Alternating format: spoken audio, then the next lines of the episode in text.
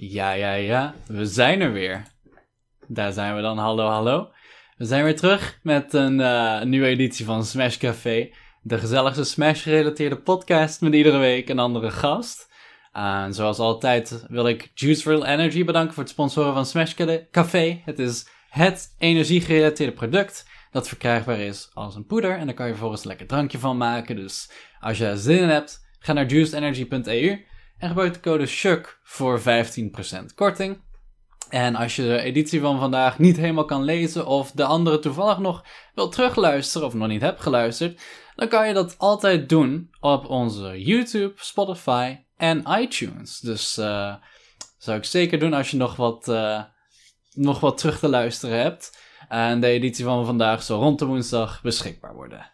Um, zoals jullie misschien al, nou trouwens, dat zien je nog helemaal niet, want ik switch altijd later pas. Mijn vaste co-host van uh, normaal gezien, Dagobert, die uh, heeft vandaag even een lekker welverdiende pauze. En uh, dat betekent dus dat ik hier lekker gezellig met mijn gast van vanavond gewoon ga zitten kletsen. Um, ja, mijn gast van deze week is iemand die velen van jullie wel zullen herkennen. Hij is de consistente nummer 1 geweest in Nederland gedurende drie seizoenen van de Smash Ultimate Power Rankings. En is nu ook nummer 3 in Europa. En ja, eigenlijk in ieder toernooi waar hij meedoet, verslaat hij uh, bijna iedereen die op zijn pad komt. Het is namelijk Space. Hallo. Hallo, hallo iedereen. Ja, ik heb net, uh, ik heb net al een mooie introductie gekregen door Lars hier. ik ben ja, de nummer, heb je er een beetje zin in? Ja, ik heb, ik heb er nogal, ik heb, ik heb er zeker zin in. Ja, mooi, mooi. Goed om te horen. Uh, zou je de luisteraars thuis eventjes iets over jezelf willen vertellen? Uh, ja, ik ben dus, ik ben dus Space. Mm -hmm. Ik ben uh, recent gesponsord door MCON, zit nu op hun team. Mm -hmm. En ik ben de nummer 1 in Nederland en de nummer 3 in Europa. Een flinke, flinke titel inderdaad. En wat doe je eigenlijk een beetje zo naast Smash? Dat is misschien ook wel naast... leuk voor mensen om te weten. Naast Smash? Nou, ik ben net klaar, nou vorig jaar ben ik klaar met uh, afstuderen, ben ik afgestudeerd. Mm Ik deed uh, bedrijfsadministratie MBO 4. Dus ik, had, ik besloot even om een tussenjaar te nemen. Ja. En te besloten op te focussen op Smash. En uh, net toen ik dat deed, kwam corona. ja. dus ik zit hier nu met mijn tussenjaar. Maar er zijn geen toernooien. Ja. dus een beetje onfortuinlijke timing. Ja, dat was, wel slechte timing inderdaad. Ja, maar uh, we gaan het er zeker nog over hebben in ieder geval. Hoe je ook zelfs in tijden zoals nu nog een beetje goede oefening kan krijgen. Um, we gaan het namelijk hebben over, nou ja, goed, jouw opkomst als topspeler en ook gewoon als speler zelf. Um, en dus natuurlijk ook, zoals ik al zei, hoe je kan verbeteren in, uh, door online te spelen, wat voor sommige mensen toch wel moeilijk is. Um, daarna gaan we het nog hebben over ja, eigenlijk een beetje de terugkeer naar offline en de aanloop, misschien hopelijk daar naartoe. En ja. um, als laatste gaan we het ook hebben over wat een speler een topspeler maakt, een high, high level speler, een medium, allemaal dat. Daar gaan we het allemaal over hebben. Dus we gaan lekker beginnen, zoals je al kan raden, met, uh, ja goed, jouw opkomst, jouw begin van jouw carrière eigenlijk, als het ware. Um, en daarvoor moeten we, als ik het goed heb, beginnen bij Smash 4, correct? Ja, ongeveer. Ongeveer, oké. Ongeveer. In Smash 4 was de eerste toernooi wanneer, wanneer ik offline ging. Maar ik speelde eigenlijk al in Brawl competitief Smash. Oké. Maar ik speelde alleen maar online. Oh, dus oké. Okay. Brawl online. ik, ik, was al, ik was ongeveer 13 jaar oud. En ik kwam um, Apex 2013, tegen online. Mhm. En ik zag hoe... Uh, ja, Salem won die volgens mij. En ik zag hoe hij, hoe hij die helemaal won. En ik vond het super cool. Ja. Was dat die ene dat hij ZSS speelde? Ja, ja, toen hij ZSS speelde. Ja. En ik dacht van, wauw. Ik wil ook goed worden in Smash. en toen begon ik alleen maar online te spelen. Ik had zo een alles ball account. Mm Maar ik wist eigenlijk nog niet dat er een Nederlandse scène was, want hoe je, uh, hoe je, hoe je, hoe je toen al zag, was alleen maar de Amerikaanse scène. Mm -hmm. Heel klein beetje Japan, maar ik, zag, ik, zag, ik kon zelf het niet echt vinden. Maar dus later toen Smash 4 uitkomt, kon ik het... Nou, ik had het wel een beetje gevonden, maar ik woon in Zeeland. Ja. Dus dat is heel, heel ver weg van andere plekken. Dus ik, ik zag niet echt een manier hoe ik naar een toernooi kon komen. Mhm. Ja, maar dat, uiteindelijk... dat nog gekoppeld met dat je ook nog heel jong was in die tijd. Dus je kon Ja, niet zomaar ja, in je eentje gaan reizen. Ja, ik was 14, ja, 14 toen Smash 4 uitkwam. En 15 de jaar, de jaar daarna. Ja. En het is niet alsof mijn moeder opeens zegt van... Ja, je mag wel alleen naar, naar Amsterdam gaan. Dus oh, zo'n 14 jaar oud knaap. nee, Dat, vond, dat vond totaal niet oké. nee, dat snap ik. Dat zou ik ook niet oké vinden als ouder. Inderdaad. Uh, maar ja, goed, uiteindelijk. Dus eigenlijk heb je inspiratie gehaald uit, Salem. Dan vind ik het eigenlijk stiekem wel leuk om nu gelijk daar even op door te vragen. Um, hoe vind je Salem nu als speler in Ultimate? Uh, ik, vind het nu wel... ja. hij, is nog, hij is nog wel interessant. Interessant, oké. Okay. Nadat hij begon over die hele melee... Um, het hele melee gedoe, hoe hij alle melee, melee spelers zaten. Mm -hmm. dacht ik van, hmm, ik, weet niet meer wat ik, ik weet niet wat ik van Salem vind tegenwoordig.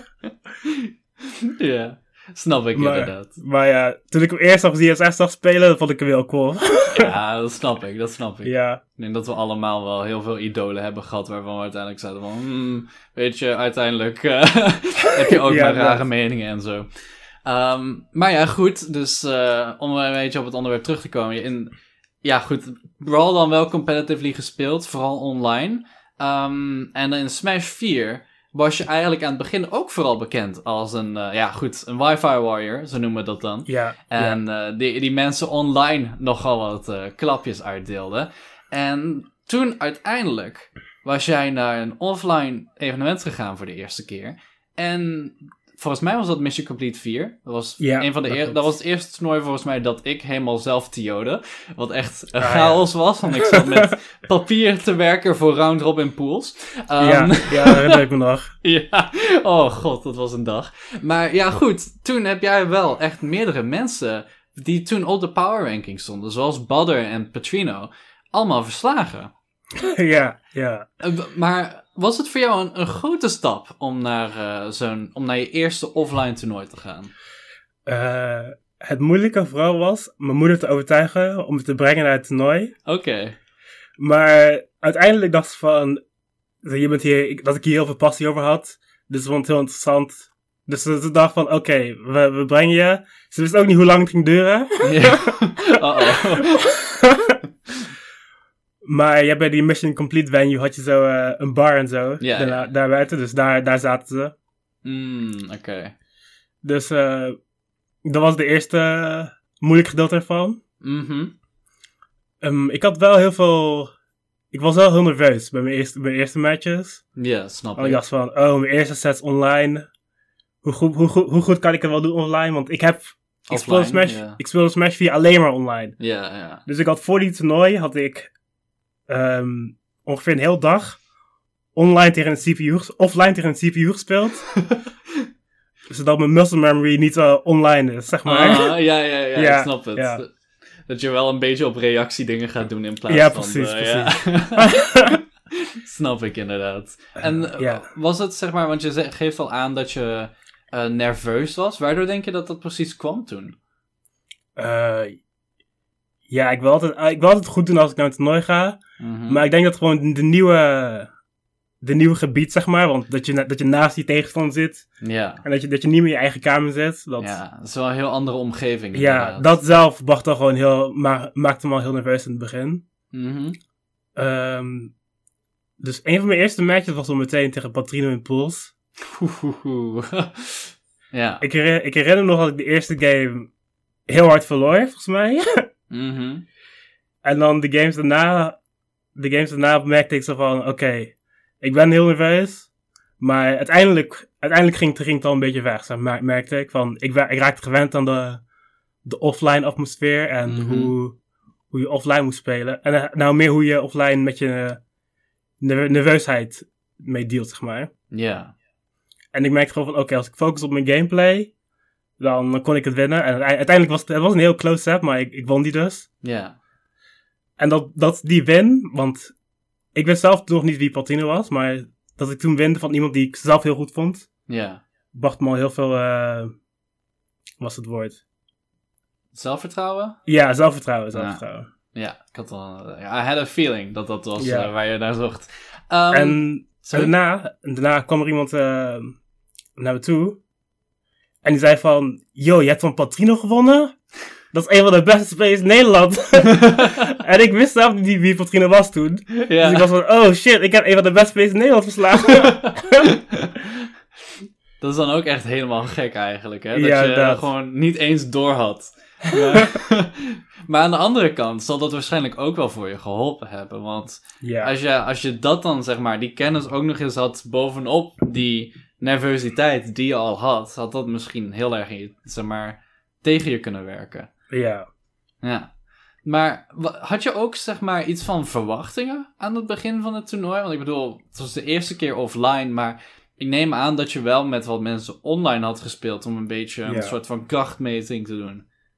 Um, de enige speler waar ik van Nederland echt veel tegen speelde was uh, Sammy. Mm. Ja. Want wij, ja, wij zaten altijd in Discord en we speelden heel veel Smash 4 mm. online. Zelfs voordat, voordat ik nog uit het toernooi ging. Ja. Speelden wij al heel veel uh, online. Ja. Uh, ik weet niet wanneer Sammy heel veel toernooi ook, ook begon goed te doen. Was dat voor Mission Complete of was dat daarna? Volgens mij Oeh, als timeline-wise weet ik het niet zeker. Maar volgens mij was het een van de eerste toernooien waar hij het goed op deed in Avalon. Ah, waar hij toen Koyu versloeg. Ah ja, ja, Dat was ervoor, ja. Dat was ervoor, volgens mij. Hm. Zou wel dus kunnen. ik, weet het niet meer zeker, om eerlijk te zijn. Ja, het, het is al zo lang geleden geweest. maar dus, ik, wist, ik wist ook niet precies hoe ik mezelf moest... Uh, wat, wat de power levels waren, zou ik maar zo zeggen. ja, ja, ja, precies. Je had geen scouter waarbij je gewoon even op kon zetten en dan scande je de venue. Ja, precies. maar ja, grappig dat je het uh, al over Sammy begint, want daar had ik ook nog een paar vragen over. Uh, maar die zal ik dan nu maar gewoon gelijk even aanhaken. Want eigenlijk kwamen jullie een beetje rond dezelfde tijd op als spelers in Nederland. En ja, jullie speelden inderdaad ook heel veel online samen. Um, wat vind jij van Sammy als speler? Als speler? Ja. Um, hij is wel een van de spelers waar, als ik tegen hem speel, hij is een van de spelers waar ik het minst graag tegen wil spelen in bracket. Hoezo dat dan? Hij is gewoon, soms is soms ook momenten tegen hem waar ik denk van, hij is gewoon drie stappen voor me nu. ja, ja, ja. Hij heeft gewoon zoveel uh, awareness in plekken waar je denkt van, oké, nu kan ik hem uh, off guard catchen. Maar hij wist al wat jij ging doen. en dan verliest hij op een heel gekke manier. Hij is gewoon een van de spelers die... Ik vind een van de meest indrukwekkende spelers in Nederland. Oké. Ik heb heel veel respect voor hem zelf. En komt dat dan voornamelijk door die awareness? Of zijn er ook andere aspecten aan hem die je heel uh, commendable vindt? Uh, ja, ook gewoon hoe optimized hij is met zijn characters. Mm. Net toen hij Mario speelde in Smash 4, deed hij ook van die gekke combo's. ja. En hoe hij... Ja, hij speelt altijd wel leuke combo characters. Mhm. En ik vind dat wel goed dat hij bij een past. Als je met zo'n characters uh, een goede read kan hebben...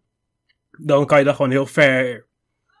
Heel ver nemen. En hij is mhm. gewoon een speler die heel goed is in zulke reads maken. Ja, zeker. Het, het complementeert zeg maar die, uh, dat instinct, nou niet eens per se instinctuele, maar echt die awareness die hij heeft gewoon op ieder moment tijdens een match. snap ik. En uh, iets wat ik altijd al afvroeg was, in, in mijn hoofd zijn jullie een beetje, zeg maar, rivalen van elkaar geweest altijd. Maar ik voel me af hoe jij dat ziet. Ja, ik voel, ik, ik, hij, is ook, hij is altijd al mijn rivaal geweest. En hm. nog steeds is hij ook wel mijn rivaal. Dus ook al zeg ik van, ja, liefst speel ik niet tegen hem. Ik, wil ook hem, ik wil ook hem verslaan. Ja, ja, ja. het werkt beide kanten op, zeg ja, maar. Ja, Snap ik inderdaad. Ja, ik vind het vooral gewoon grappig dat je dan toch wel zegt van ik wil niet tegen hem spelen. Gewoon puur omdat hij zo eng is eigenlijk. Ja, precies. Ja, wat wel helemaal grappig is als je naar hem kijkt, want het is zo'n schattige jongen. ja, hij is, hij is de meest aardige persoon die ik heb, maar bracket is hij er. I can be your angel or your devil. precies, gewoon geen genade in bracket. ja, precies. Um, ik voel me ook nog wel af of die dynamiek tussen jullie twee, zeg maar. Um, veranderd is voor jouw gevoel tussen Smash 4 en Ultimate in?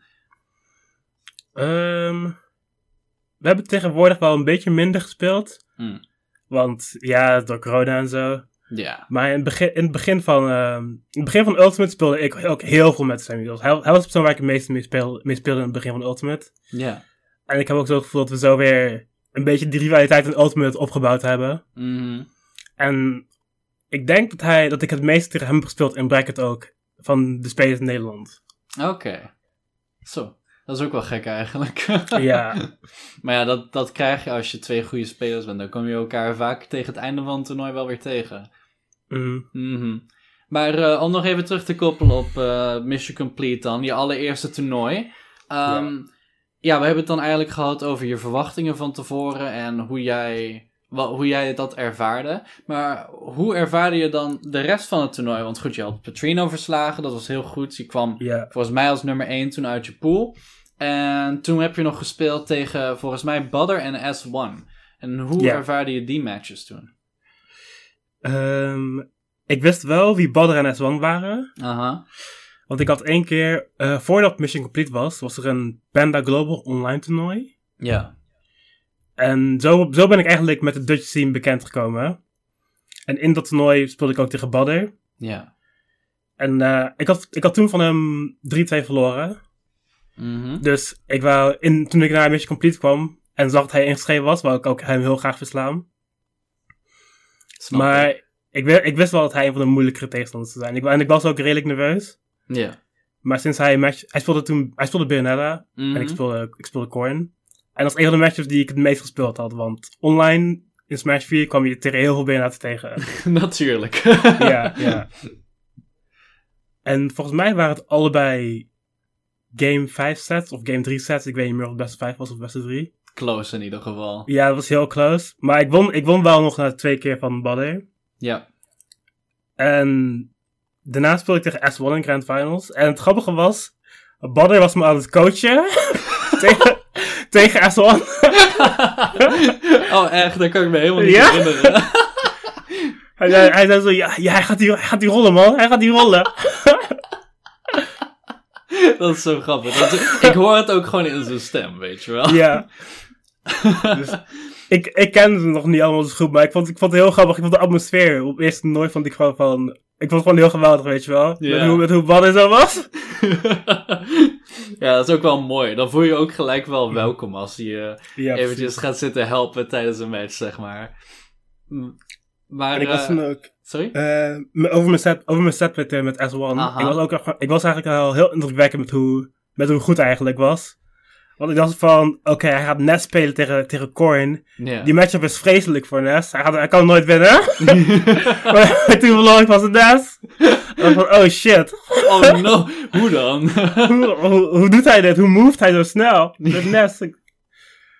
Dus ik was gewoon heel indrukwekkend met hoe, met de, de level van play die, uh, die je offline kon zien. Want het, het, is mm. gewoon heel anders hoe mensen spelen. Oh ja, zeker. En uh, goed, het helpt dan ook niet dat S1 een van de meest unieke NES-spelers is. Qua inderdaad, zowel, zowel zijn movement, vooral in Smash 4. Met al zijn dare cancels, double jumps op platforms en whatnot. Uh, had dat allemaal figured out.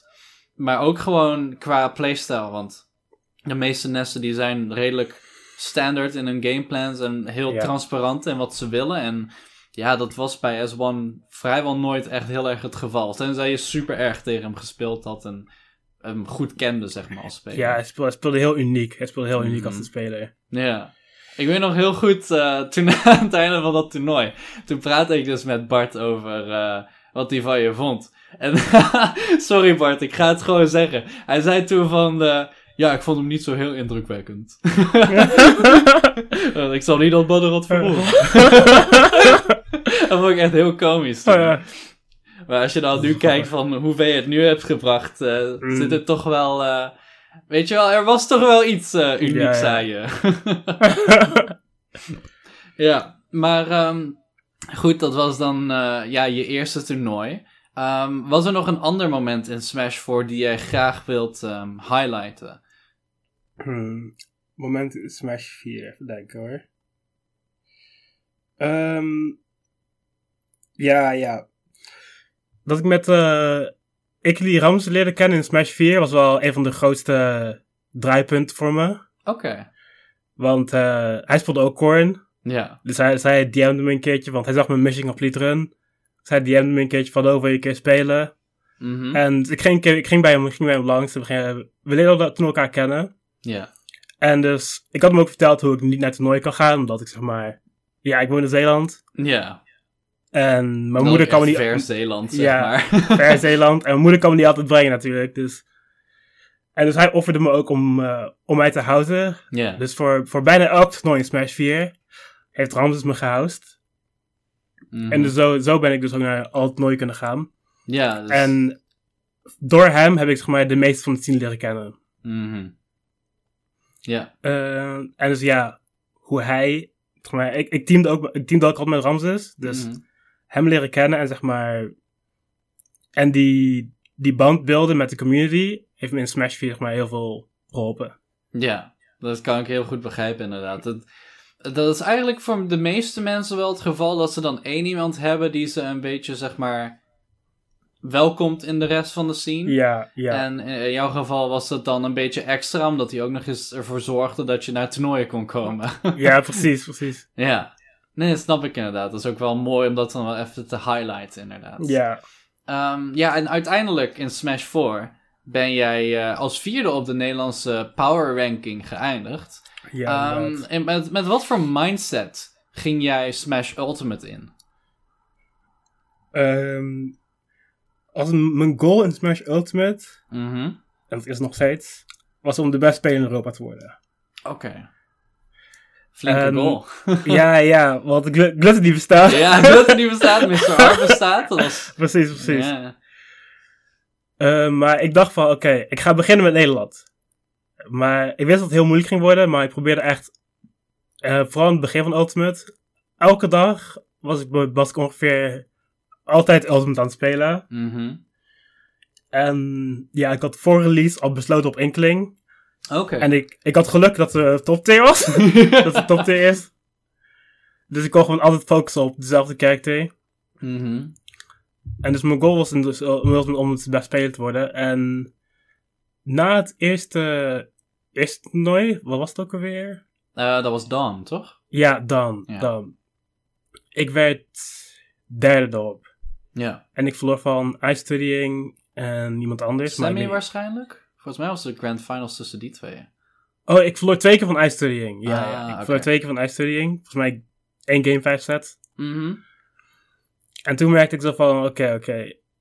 Ik heb nog, ik, ik, moet, ik moet nog, ik heb nog veel dingen om beter in te worden. ja. en dus wat, wat, wat, ik deed, wat ik deed voor Ultimate was ook, ik wou veel meer focussen op off, off- offline bij mensen oefenen. Mhm. Want je merkte gewoon al, ik, ik merkte gewoon veel dat in Ultimate, en eigenlijk ook in Smash 4, dat offline en online, er is een heel groot verschil achter. Ja, ja. Zeker. Ja. Maar je kan, on- je kan online de game altijd leren. Dat is met Smash 4 ook en met Ultimate ook. Mhm. Maar als je zeg maar de, de top level wil bereiken, merk je Hmm. gewoon echt dat je de offline, de offline oefeningen veel nodig hebt. Ja, ja. Snap je inderdaad. En ik merkte vooral dat toen ik vaak, ik was redelijk, ik was redelijk een paar keer bij Ramses, geweest, la- bij Ramses langs geweest en ook bij Mhm. andere mensen. En ik merkte gewoon van, elke keer als ik dat deed, was er gewoon veel meer dingen die ik in, mijn- in je gameplan kon, eh, kon zetten. Ja. En uiteindelijk merkte ik van, oh, nu, ik- nu ik elke keer offline speel, kan ik gewoon veel meer, veel meer waarde krijgen uit mijn oefeningen eigenlijk. Mhm. En ik merkte dat in de, de toernooi daarna had ik toen, ik won daarna drie keer toernooi op een rij, ik weet niet meer welke het allemaal waren. Eh, Ik ook niet, maar dat, eh, dat is al een flinke Ja. statement. het, het, het, is, het, was, het was in het begin van Ultimate, dus ik weet niet meer alle toernooien uit mijn hoofd, maar ik won toen in de eerste PR-seizoen won ik drie grote toernooien op een rij. En dus toen dacht ik van, oké, dit, gaat, dit, gaat, dit gaat heel goed, weet je wel. Ja. En toen kwam Tech Republic. Ja. En dat was echt de eerste nationale, Ja, internationale paal, zeg maar. Zeker. Want ik had nog nooit tegen Meu gespeeld en ik had nooit tegen Gluttony gespeeld. En Ook gek merkte- dat je nog nooit tegen Meryl had gespeeld. Dan is Nee, ook nee. een Nederlander. dat was, dat was de eerste keer dat ik tegen Meu speelde op eh Ah. Grappig. Ehm, en ik merkte gewoon van, oké, Gluttony is weer heel, op een heel hoog niveau, weet je wel. Aha. En ik merkte van, oké, ik, moet, ik moet nog veel meer doen om, dat, om die niveau te bereiken. En Meu was ook, maar... Ik had nog nooit, nog nooit tegen mij gespeeld, dus ik kende de matchup ook niet echt. Maar Mhm. ik merkte gewoon van, oh shit, Mario is super gek in deze game. ja, er was echt een tijd dat hij gewoon eh, solidly als de nummer 2 in Europa werd gezien. Ja, Voor een klopt, lange klopt. tijd. Ja. Ehm, om nog even terug te haken op iets wat je toen net nog zei, wat wel grappig was. Ehm, want je had al, voordat de game uitkwam, besloten op Inkling te spelen. Eh, Ja. Waardoor kwam dat? Eh, ik was zelf gewoon eigenlijk een grote Splatoon-fan. Ik had Splatoon 1 heel veel gespeeld. Mhm. toen, eh, toen de game uitkwam. En ook, ook nog ongeveer voor een jaar had ik die game op de site heel veel gespeeld. Ja. En toen ze enkeling hadden geannounced voor de game, dacht ik van... Oh, het ziet er wel interessant uit en leuk. Dus ik dacht van, oké, ik ga met haar beginnen. Mhm. En als, het- als het niet goed is, dan kies ik ook wel een andere character. Ja. Maar ik zag al dat Corin niet goed zou zijn in deze game. Want ja. toen ik haar in de demo speelde, je merkt gewoon, ze hebben heel veel dingen genervd. Mhm. Dus ik was haar niet van plan te spelen. Maar dus ik had heel veel geluk toen, gewoon toen enkeling uitkwam en ze op de eerste maand van iedereen naar de best kijkt in de game. En ik dacht van, oké, dan, dan, dan speel ik gewoon enkeling de hele tijd. ja, why not? ja, precies. En eh, wat is het dan eigenlijk dat je zoekt in een karakter? Hm, wat ik zoek in de character. Naast dat ze goed zijn, want dat is Naast- iets wat ja, eigenlijk ja. Al, je, al je characters wel in common hebben, is dat ze goed zijn. Ja, ze moeten natuurlijk wel je playstyle passen. Ik vind dat Inkling... Wat ik, wat, ik, wat ik leuk vind in de character is dat ze een doel hebben. Mhm. Dus dat ze naar iets zoeken. Oké. En dus voor Inkling is dat vaak van... Oké, op early, op early percent dan inken ze. Mhm. En dan, nadat je ze hebt inkt, dan... Dan doe je heel veel damage. Dus dan ja, ja. maar, maar omdat je ze hebt geïnkt, doe je heel veel damage. Dus je hebt, je, je hebt zo je win condition early van ink ze. Mhm. En dan daarna speel je gewoon neutral om damage te doen. Ja. En dan op de kill procent heb je op sommige characters heb je de up die killt. Mhm. En dan heb je dan je doel van, oké, als je ze grabt, of je raakt ze met roller, dan krijg je een kill, of je edgeguard ze. Ja.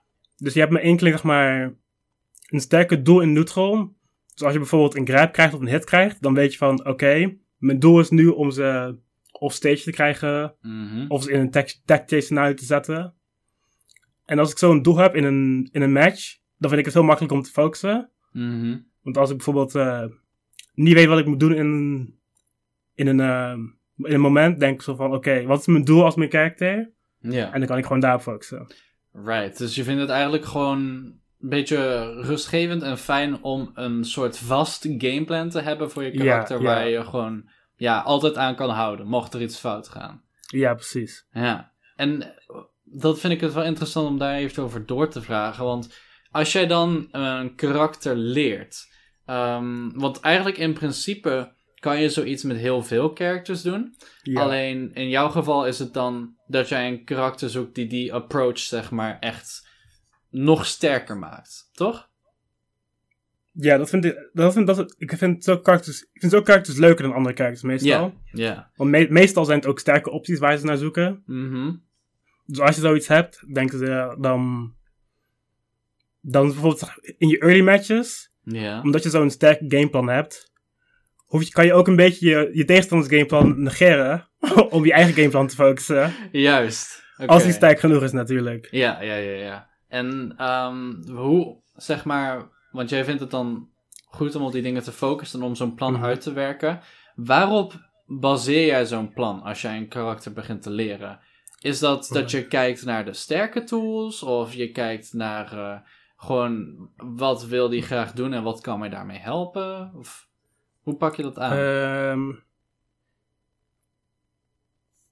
voor, voor sommige characters is het makkelijker dan bij anderen. Oké. Want sommige characters hebben bijvoorbeeld een heel specifieke mechanic die, die je gameplan een beetje maakt. Ja. Zoals Shock heeft monado's. Dus Mhm. natuurlijk in het begin van je gameplan gaan, gaan de meeste Shock naar Speed Monado om de neutral te winnen. Ja. En daarna, nadat ze de neutral gewonnen hebben, gaan ze naar Buster. Omdat ze dan meer damage krijgen als ze een hit krijgen. Juist. Maar andere characters die, die niet zo, die, die niet eh, een gimmick hebben of zo. Mhm. Daar moet je meer kijken naar, waar, naar waar ze gewoon goed in zijn. Dat is bijvoorbeeld bij, bij bijvoorbeeld. Mhm. Als je een ner raakt op, op laag procent, krijg je 40% of zo. Ja. Dus, dat- dus dan denk je natuurlijk van, oké, mijn tegenstander weet dat, weet, dat, weet dat als ze door een ner geraakt worden, nemen ze 40%. En ik, en ik weet het ook natuurlijk. Dus Mhm. Als, als, als, als zoek je voor een kans om neer te klikken. En als tegenstander zoek je voor een kans om niet geraakt te worden door neer eigenlijk. Ja, en hem dan daarna af te straffen als het kan. Ja, precies. Ja. Dus als spelen moet je eigenlijk eh, je gameplan revolft een beetje er rond. Maar natuurlijk probeer je niet te veel, te veel op te focussen. Mhm. Dus zo, zo kijk ik ongeveer naar. Want natuurlijk door... Als, als, je, als je kijkt naar Paul Nair als voorbeeld weer. Ja. Die tegenstander wil, de- wil daardoor niet jumpen.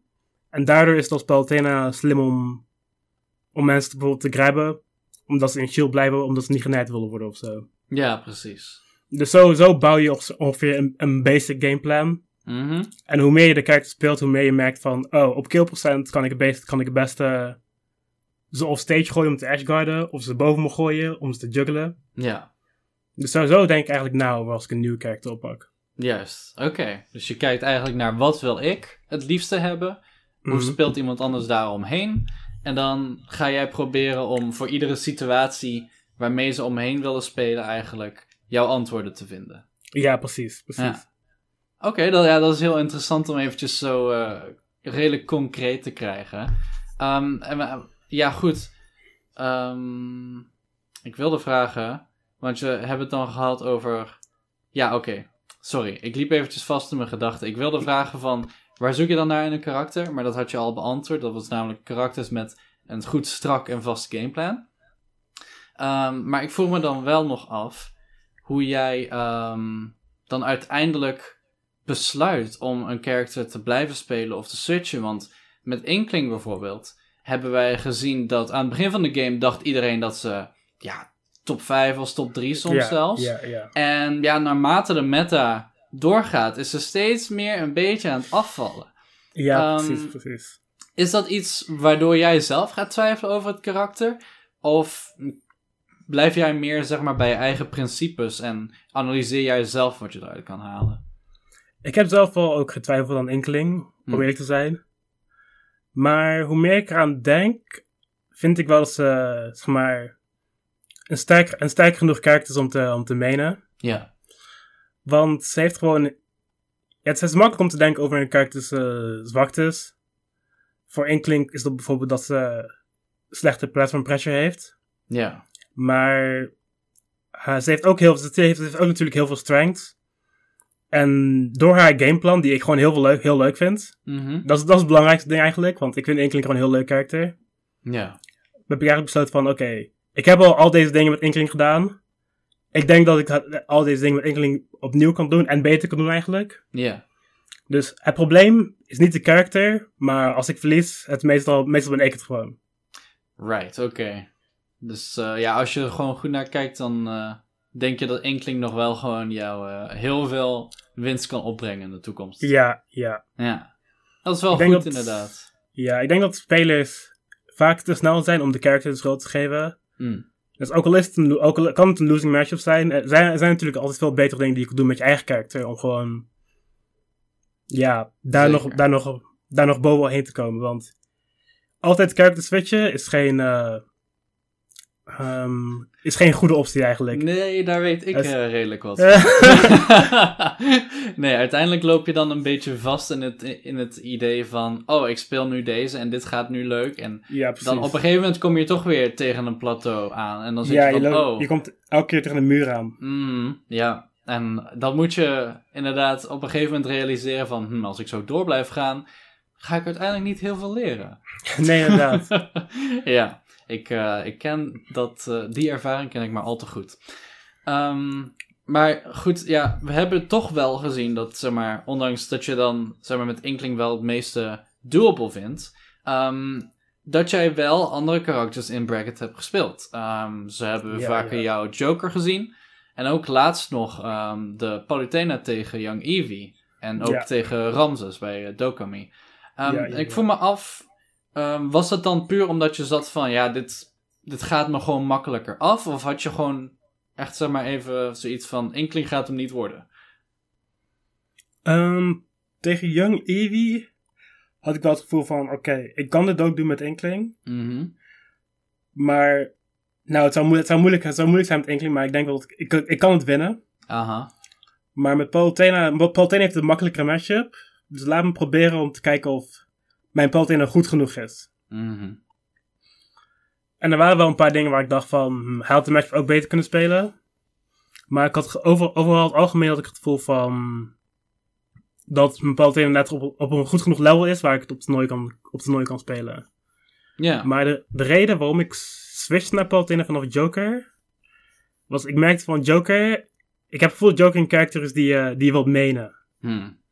Want Joker is gewoon een karakter die heel veel, heel veel diepe dingen heeft. En heel veel dingen waar je, heel veel, heel veel, heel specifieke interacties waar je die moet leren met Joker. Mhm. En als je twee karakters speelt die heel veel specifieke interacties hebben, dan kan je ze niet allemaal leren, want je speelt meerdere karakters natuurlijk. Right. Dus als je één karakter hebt die makkelijker is, zoals Palutena, en één karakter hebt die moeilijker is, dan kan je veel makkelijker focussen op je, je moeilijkere karakter. Mhm. En dan je, nog je makkelijkere karakter goed houden op de, op de site, zeg maar. Ja, inderdaad. Ik, eh, ik zie Horatio het ook al in de chat zeggen. Joker is redelijk high maintenance. Dus je moet hem Ja. vaak spelen om goed met hem te blijven. En ook zeg maar, ja, oh, je combo's goed te blijven doen en dat soort ja dingen. precies. Ja, dat, eh, dat herken ik ook nog wel een beetje van mezelf. Dat ik aan het begin van de game speelde ik dan uiteindelijk Greninja en Lucario voor een tijdje. En Ja. Greninja is dan wel simpeler vergeleken met Smash 4, maar Lucario is nog wel een vrij lastig karakter, ondanks de jank factor. Dus dat Mhm. merkte ik ook gewoon van, Lucario is veel te moeilijk voor een secondary. Ja, Je krijgt er niet uit wat je erin stopt, zeg maar. Dus, ja, ja. inderdaad. niet zoals Palu, die, da- daar gaat dat veel makkelijker mee. Ja, het is ook veel makkelijker als je gewoon een heel sterk, simpel karakter hebt. Mhm. Maar met Lucario, Lucario is, is- Ik vind Lucario goed. Ik zie vaak wel meningen dat Lucario low tier is. Ik, vind hem niet zo slecht. maar als je een niet zo top tier karakter hebt of zo, dan, heb je niet alleen de struggle van dat je je karakter moet leren. Het is ook Mhm. van dat je moeilijkere matches moet leren met een karakter die niet zoveel speelt. Klopt. En dat is, dat is eigenlijk, dat is eigenlijk daar denk, denk ik persoonlijk dat als je een secondary neemt, dat eigenlijk meestal een heel goed karakter moet zijn. Mhm. Of een heel makkelijk karakter. Het liefst allebei. Right, ja. Dat is inderdaad wel heel logisch. Dan haal je gewoon het, het meeste eruit met het minste aantal moeite. Om het eventjes heel cru te zeggen. Want natuurlijk stop je, Ja. wel, natuurlijk stop je wel moeite in Palutena om haar te leren en zo. Dat, Ja, eh, inderdaad. dat- je kan niet zomaar een karakter pakken tegen Nee. andere topspelers en verwachten Nee, om te winnen. Nee.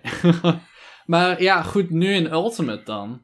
Ben jij eh, ja, toch een van de beste spelers in Europa, nummer drie op dit moment. Ja. Eh, hoe voelt dat voor je?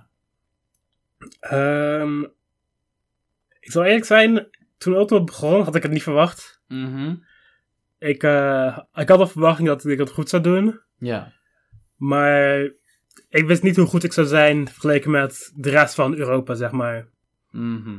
Dus toen ik uiteindelijk in, volgens mij was het november, derde werd in UFA, derde werd op Syndicate en derde werd op Dreamhack. Die hele maand was, Ja. die hele maand was heel gek voor me, zeg maar. Mhm. Want ik had, nu, ik had bij geen van die toernooien, had ik eigenlijk verwacht dat ik het zo, dat ik het zo goed zou doen. Ja, dan is dat helemaal gek, inderdaad. maar ja, dat is, eh, ja, dat is alleen maar knap, inderdaad. Ehm, wat wil ik nou vragen? Ik wil je vragen over... Oh ja, wat, wat je voor jouw gevoel anders doet eigenlijk qua... nu in Ultimate vergeleken met Smash 4, dat je opeens, zeg maar, zoveel beter performt. Hmm. Ehm, ja, ik denk dat, dat het grootste verschil is dat ik eh, veel meer offline ging spelen. Als Oké. voor, voor die, voordat het toernooi van UFA en zo. Ja. waren ook heel veel Merufest en zo. Mhm. Dus toen kon ik bij Meru vaak offline spelen. En ik was ook bij Bart voor een, eh, voor een heel weekend. Ja. Dus zulke offline practice had ik mij gewoon gemerkt tegen, tegen hele sterke spelers spelen voor een lange tijd. Mhm. Dan merk ik gewoon van, je leert heel veel interacties heel snel. Want als je tegen niet zulke sterke spelers, niet zulke sterke spelers speelt, dan kan je meestal met wegkomen met je, wat je normaal doet. Ja. En dan autopilot je een beetje en dan, dan leer je minder, zou ik zeggen. Mhm. Je leert nog steeds wel, want als je probeert beter te worden, dan heb je altijd dingen waar je op wil improven. Maar er komen minder nieuwe situaties die je moet leren, zeg maar. Ja. Dus ik merkte dat nadat ik heel veel, veel met top space ging spelen, offline, dat ik gewoon daarmee heel veel, veel beter kon, mee kon worden. Ja. En ook, ook een groot verschil was dat ik in Smash 4 a- analyseerde ik mijn sets totaal niet. Oh, oké. Want ik, ik vond het heel kut om mezelf te zien verliezen. ja, daar heb ik af en toe ook nog wel moeite mee, inderdaad. Eh, Dus ik zag, ik zag zo'n set waar ik, zelf, waar ik wist dat ik die ging verliezen. En dan keek ik zo de games waar ik won. dat wel is kut. aardig uit. En dan skipte ik de games waar ik verloor. dat heb ik ook gedaan, ja. Oh. Ja, het is gewoon zo pijnlijk om dat terug te kijken. het is heel pijnlijk. Je de- denkt gewoon, wat doe je? Waarom deed je dat? Ja, sukkel. En mijn ultimate ging dat wel veel meer serieus nemen en mijn sets analyzen. Mhm. En ook veel meer analyzen naar andere, andere spelers die mijn, die mijn ook speelden. Ja. Bijvoorbeeld eh voor UFA Ja. eh, had ik heel veel... Ik zag dat Gluttony in mijn bracket was. Mhm. Dus ik had ongeveer een heel avond gededicated aan kijken naar hoe Armada tegen Gluttony speelde. Want ze hadden een bootcamp gehouden. Ah, oké. Dus ik had daarvan al een paar dingen in me- meegenomen van wat ik wou doen tegen, tegen Gluttony. Ja. En ik had ook, ook op dit toernooi had ik tegen Hoepie gespeeld voordat ik tegen Gluttony speelde. Zodat ik, ook, zodat ik mijn theorie nog een beetje kon testen. Ah, Oké, En ik- slim. En ik, en ik merk dat zulke dingen gewoon veel meer kijken naar, naar mijn tegenstanders en veel meer, veel meer attentie stoppen naar, wat mijn, naar hoe mijn bracket eruit ziet en wat mijn andere. En wat de space waar ik tegenaan moet spelen, wat, wat, wat hun willen doen. Mhm. Dat heeft me heel veel geholpen met, maar, eigenlijk winnen in bracket. Om gewoon zo te zeggen. Juist, dus zeg maar, wat je eerst in Smash 4 dan niet deed, was sowieso het analyseren van je eigen games. Maar ook Ja. niet dat van je tegenstanders. En nu je dat wel doet, merk je heel erg dat je daar profijt van hebt. Ja, precies. Ah. Ja, dat is wel een, eh, een goed iets inderdaad. Ik moet zeggen, ik, ik kijk ook wel naar karakters, of zeg maar spelers van de karakters die ik speel, om dan proberen Mhm. daar dingen uit te halen. Ik zelf vind het vrij lastig meestal om daar zeg maar nuttige informatie uit te halen. Heb jij tips voor mensen die daar ook moeite mee hebben, als, zeg maar qua het analyseren van sets? Analyseren van andere spelers sets. Ja, in dit geval. eh, en misschien ja, ook ja. van je eigen sets, als je daar later op terug wil komen. Het nummer één ding waar ik voor zoek is, zeg maar... Ik, eh, als, als, als een speler die, als de persoon zelf kijkt, speelt ik, denk ik meestal van, oké, in deze situatie doe ik dit. Ja. Zeg maar bijvoorbeeld, eh, ik moet recoveren. En ik recover meestal met roller. Ja. En ik zie van, oh, soms word ik daarvoor gepunished. Dan denk ik zo van, oké. Ik zie Cosmos die, die rollert, maar dan jumpt hij niet uit zijn roller, maar hij cancelt het bijvoorbeeld. En ik zo van, Mhm. oh, hij doet iets anders dan wat ik doe. Dan denk ik van, elke keer als de speler iets anders doet wat ik doe, en als het werkt, denk ik zo van, oké, misschien moet ik dat ook meenemen in mijn gameplan. Ja. Dus, dus eigenlijk het, main, het, het grootste ding waar ik, op, waar ik op zoek is zeg maar verschillen. Niet dingen die hetzelfde zijn, maar dingen die, die de speler, de keuze die de speler anders maakt dan ik. Oké, interessant. Ja. En dan als je kijkt naar je eigen sets, wat, hoe probeer jij daar dingen uit te halen?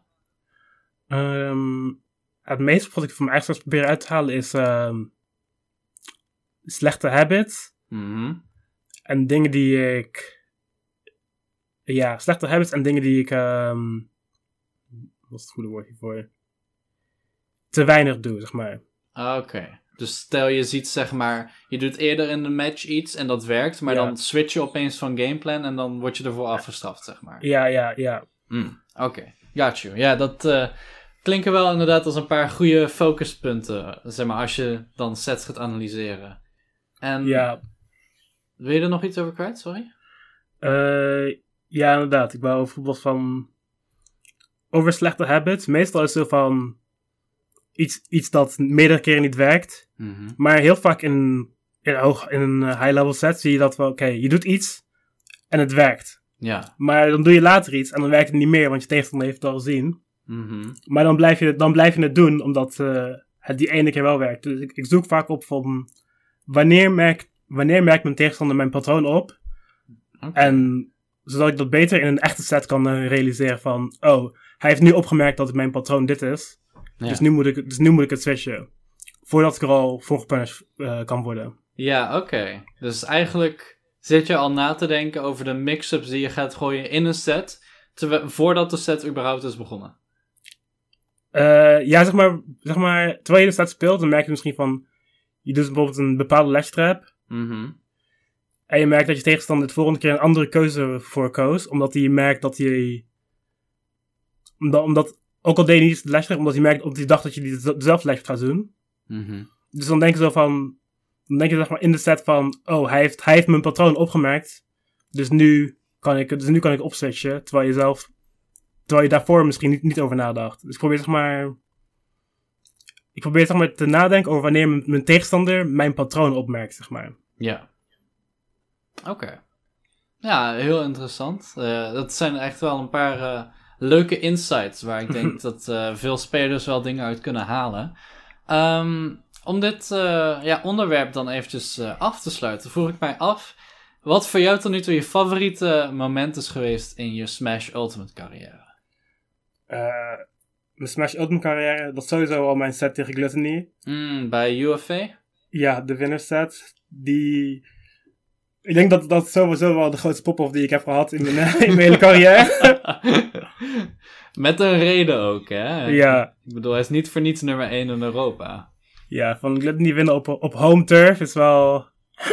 dat, voelt, dat voelt wel heel goed. Snap ik inderdaad. Dat voelt dan wel een beetje als een uh, next level overwinning, zeg ja, inderdaad. Snap ik. Uh, waren er nog andere dingen die voor jou dat moment speciaal maakten? Of was het echt heel erg de overwinning zelf? Uh, ja, dat was de overwinning. En dat eigenlijk ook al mijn vrienden die, die me al supporten in Ultimate, mm. dat die daar ook waren. Ja. En ook uh, op stage kwamen voor de pop-off, weet je wel. ja, ja. Da, ja, al die dingen bij elkaar maakt het gewoon heel speciaal voor me. Ja, snap ik. Een beetje de, de collectieve pop-off. Uh... Ja, precies. Alright, mooi. Dan uh, gaan wij lekker rustig door naar ons volgende onderwerp. En dat gaat namelijk, uh, het zal een beetje een korte zijn, maar het gaat over online oefenen. Um, want zoals we al eerder hebben besproken, heb jij in ja, Smash 4 begon jij eigenlijk als een, uh, een online speler voornamelijk. En Brawl ja. ook al. Um, en veel mensen, vooral uh, nu met quarantine natuurlijk, hebben moeite of zien weinig nut in het spelen van online Smash. Um, hoe ervaar jij dit als speler? Uh, ik denk dat als, als offline speler begrijp ik wel waarom online spelers zo, zo over, over nadenken. Mm -hmm. Want het is gewoon heel anders. Ja. En als je niet ziet dat het zo anders is, dan ga je ook gewoon heel veel last mee hebben. Want als je het zelf probeert te doen offline, want als je online doet, mm -hmm. dan, dan gaat de game gewoon niet leuk zijn eigenlijk. nee. Dus het, het, moeilijk, het vooral het moeilijke aan online is eraan wennen, zoals ik zou zeggen. Oké. Liever, liever hadden we gewoon goede, goede netcode en hoefden wij niet aan wennen. Ja. Maar wat hebben we niet, dus we moeten heel, heel wennen online. Dus de beste dingen wat je of online kan oefenen eigenlijk is vooral, vooral matchups zou ik zeggen. Oké. En ja, specifieke dingen waar je niet heel veel moet, waar je niet heel veel voor moet reageren. Mhm. Oké, en um, wat zou je zeggen dat mensen het meeste, zeg maar, op moeten letten als ze beginnen met online spelen? Um, dat, je niet, dat je niet in de, de offline heb, de online habits te veel in, invallen. Maar. Mm, ja, ja, ja, ja, Want als je naar heel veel, als je naar heel veel online spelers kijkt, dan zie je heel veel, zie je heel veel patronen van patronen die je van offline spelers niet zou zien. Mm -hmm. Bijvoorbeeld, uh, ze rollen van de, de rand af en dan doen ze een forward smash of zo. Ja. Normaal zou je het offline niet zien, omdat je, omdat je dan op de rol zou reageren. Mm -hmm. Maar omdat je dat online niet zo goed kan, dan is dat een veel betere optie. Ja, kan je daar een beetje misbruik van maken. Ja, precies. Ja. Dus als je, daar, als je daarover nadenkt en over nadenkt over wat je doet, dan kan je wel online gewoon beter worden, maar je moet gewoon niet, zo, je moet gewoon niet hetzelfde zien als, als offline spelen. Mm -hmm. dat, dat, is het grootste, dat, is, dat is wel het grootste verschil wat je, wat je moet maken. Ja, dus echt gewoon bewust zijn van oké, ik speel online, het is niet hetzelfde, maar ik kan er nog wel dingen uithalen. Ja. Ja. En um, wat voor, waar focus jij dan op als jij online speelt? Want uit mijn eigen ervaring, zeg maar, ik speel nu de laatste tijd ook wat meer. Gewoon puur, ja, Mhm. Er is geen andere reden en ik heb goede motivatie, dus waarom niet? Mhm. Ehm, en dan probeer ik bijvoorbeeld te focussen gewoon op, oké, ehm, ik ga proberen om met mijn nieuwe karakter dit of dit meer te pushen of meer eh, Ja, deze ja. setups of zo proberen te krijgen. Hoe, hoe pak jij dat aan? Eh, vooral als ik online speel om te oefenen, speel ik nu Palutena. Mhm. Want ik ben aan het leren. Dus bijvoorbeeld, denk, dus bijvoorbeeld als ik online speel, denk ik zo van...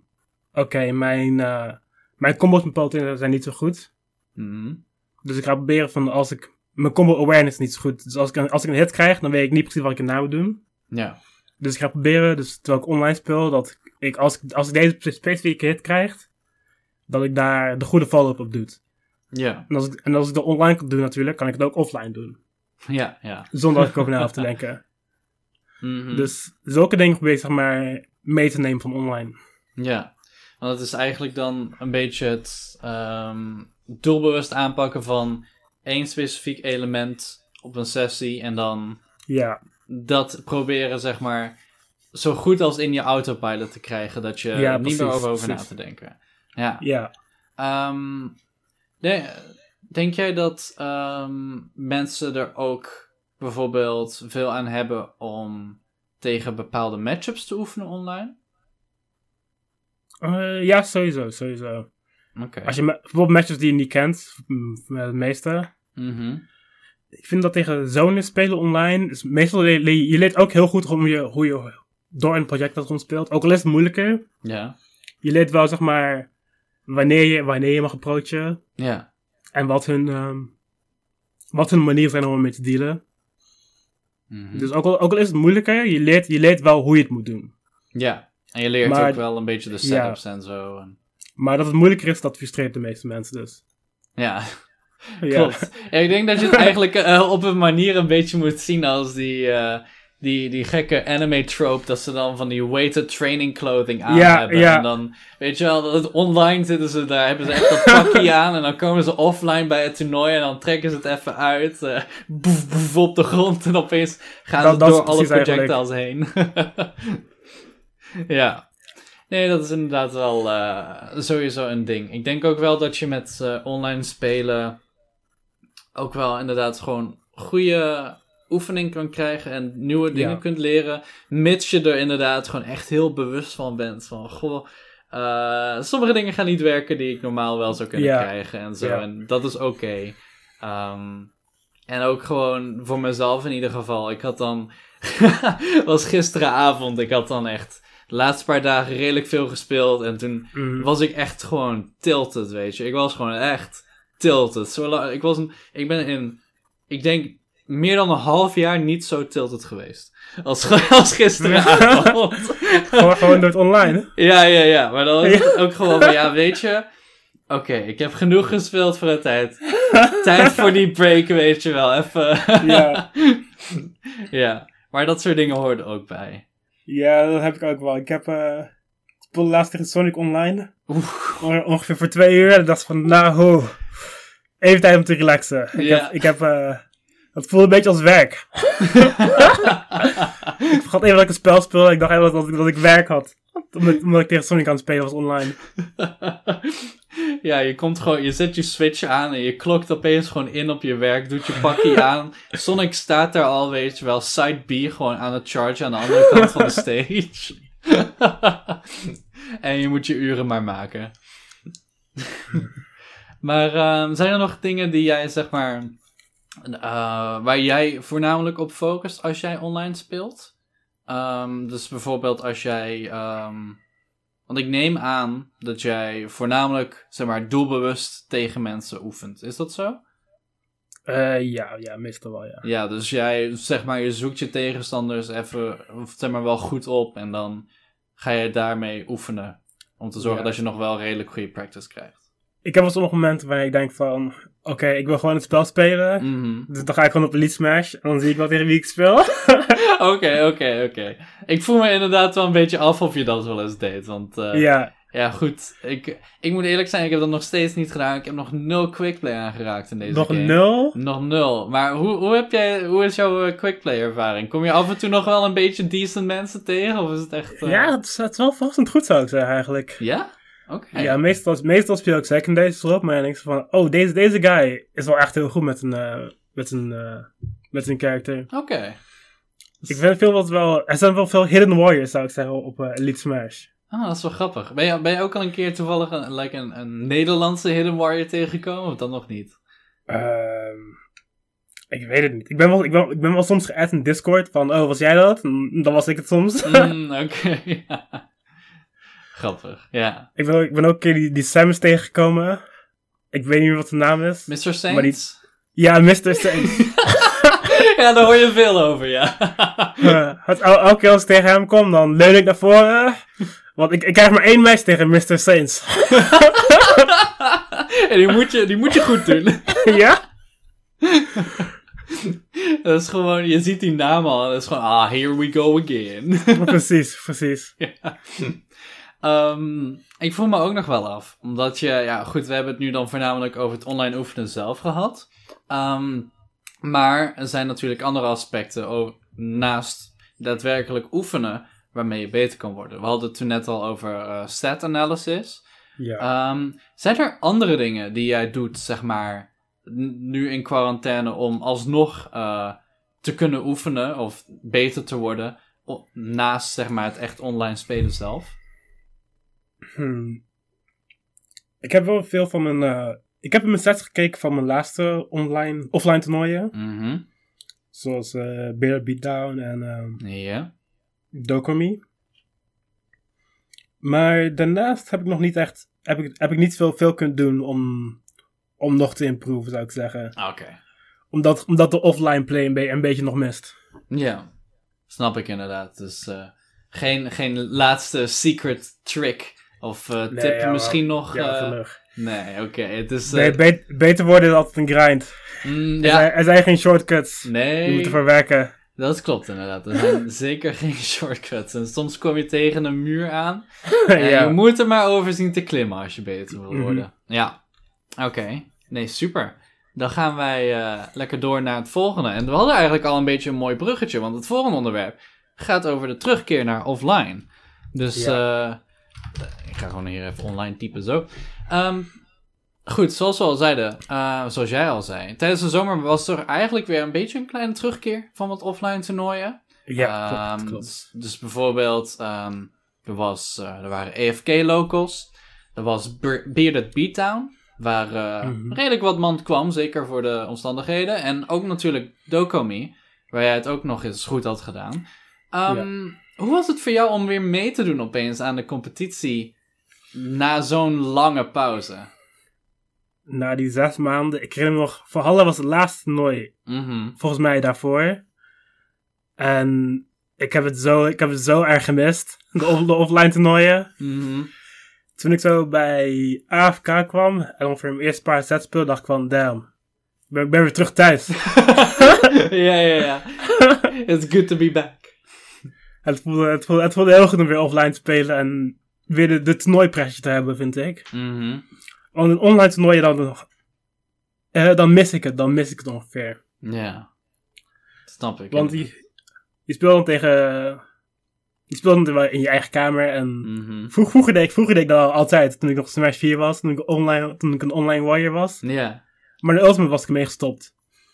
Dus toen ik terugkwam naar offline toernooien. had ik het echt heel erg gemist. Mhm. En het was wel ook wel weer goed om iedereen gewoon weer te zien. Oh, zeker. Zeker.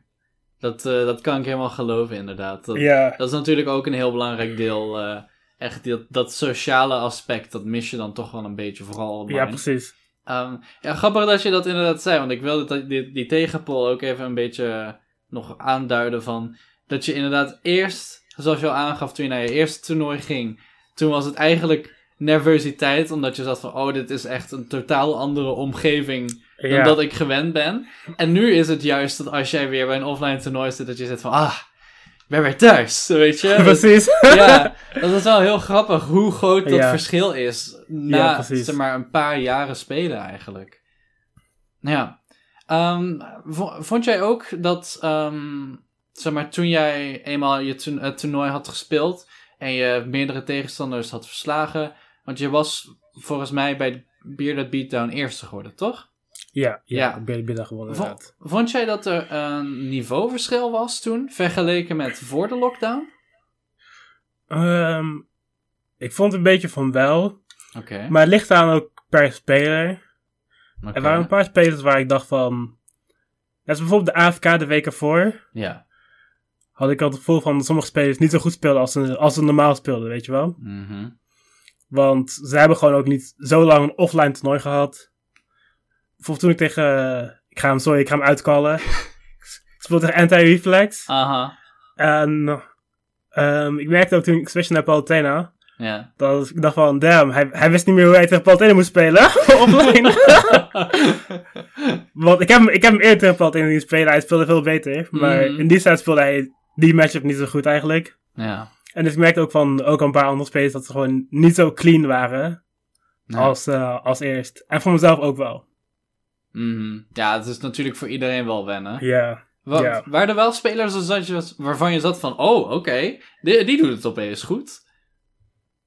Ja, je zag natuurlijk eh Ramses bij Bearded Beatdown. Mm, ja, ja, ja. Hij was eh, volgens mij vijfde of vier, volgens mij vierde geworden. Volgens mij vierde geworden. Mhm. Hij deed, hij deed, hij deed heel goed die weekend. En toen bij Dokumi was hij ook vierde geworden. Of uh, hij was vijfde geworden. Bij Dokumi Hmm. was, hij, was hij weer vijfde geworden. Aha. En dus ja, hij, ja, hij heeft, eh, hij heeft op de grind gezeten, heb ik gemerkt. ja, ja, dat En- is inderdaad wel opvallend. Ja. En je merkt gewoon van dat die, die effort, die, eh, die werk die erin stopt, zeg maar, om beter te worden, dat hij gewoon, zelfs na de lockdown gewoon, ja, dan kun je het gewoon nog steeds, nog steeds zien. Mhm. Zeker. Ja, het, het, wat, ik, wat ik vooral heb gedaan in de lockdown was Palutena spelen. En door Palutena heb ik ook een paar van mijn bracket matches eh, ge- gewonnen. Dus daar, ik, heb, ik, heb, ik heb zelf ook op mijn eigen manier mijn, eh, mijn, mijn werk gezien uit eh, de, de, de fruits gezien van mijn efforts. ja, precies. Je hebt wel, eh, ook al was het dan de, de omgeving niet het beste om te verbeteren, heb je er toch wel eh, iets nuttigs uit Ja, precies, precies. Eh, wa- waardoor denk jij, dat, om, om het nog iets specifieker te maken, waardoor denk je dat Ramses opeens zoveel beter doet dan voor de lockdown? Zeg maar, als we echt denk- specifiek kijken. hmm, het, is, het is heel moeilijk om specifiek ding op te zetten. Mhm. Maar ik denk dat hij gewoon steeds meer comfortabel is met zijn... Nou, het ding is met Ramses is... Op locals kreeg je wel al die wins, altijd. Ja. Dan won hij van Anti-Reflex, dan won hij van Ezreal. Mhm. Maar het was vooral op grootste toernooi dat hij niet won van... Dat hij niet, dat hij niet won van ze. Dus ik denk dat hij nu gewoon, zeg maar... Diezelfde energie heeft gebracht naar de grote toernooi eigenlijk. Ja. En dat hij zo... eh, eigenlijk de play die hij altijd al heeft, kunnen, heeft kunnen laten zien. Ja, precies. Het is ook deels, denk ik, eh, het, het wennen nog steeds aan een character. Want ik bedoel, Ja, ja. als je kijkt naar Shoka, is niet bepaald het makkelijkste personage Nee, om te spelen in de Sowieso game. niet. Nee. Sowieso niet. Nee, zeker. Maar eh, waardoor voor jou nog, ehm, misschien niet eens, ja, toch wel deels spelen specifiek, maar waardoor voor jou nog verder verrassingen tijdens die offline toernooien? Dat je zat van, oh, oké. Eh, ja, bij Dokumi. Ryuka had me helemaal off guard eigenlijk. Oh ja, ja. ja. Ik werd gedubbeld eliminated door hem. In ehm winnen semis en losers finals. Mhm. En ik kende hem voor die toernooi nog niet eigenlijk. Dus ik wist totaal niet wat ik moest verwachten. Maar hij was, hij was veel beter dan... Hij, hij was heel goed. En ja, beter dan ik had verwacht eigenlijk. Ja. En ik had ook een beetje van... Oh shit, hoe speel je tegen Fox? ja. terwijl, ik- terwijl, ik- terwijl, ik die set aan het terwijl ik die set aan het spelen was. Aha. Maar ik had wel het gevoel dat hij de, dat hij de matchups kende. Ja. En hij maakte ook zo'n tweet eh, op Twitter dat hij naar Dokumi kwam om van mij te winnen. Oh, wauw, ja, Dat is wel crazy. ja, Hij had echt mega geprept dan, volgens mij. ja volgens, mij wel. Volgens mij wel. Ja. En je, je kon het er ook gewoon zien, want hij, hij speelde de matchup heel goed, vond ik. Hmm. Wat vond je hem specifiek goed doen? Ehm, hij was heel moeilijk te edgeguarden. Mhm. En zijn, ehm, zeg maar, de manier hoe hij neutral speelde, was heel moeilijk om, zeg maar, van die inkling openness te krijgen, zeg maar, zoals jab en backair. Ja. Want hij speelde heel, hij speelde heel verticaal, zeg maar. Ja, ja, ja, ja. Dat is natuurlijk ook Ja, dat- zeker wel een Fox-ding. Ja, ja, ja.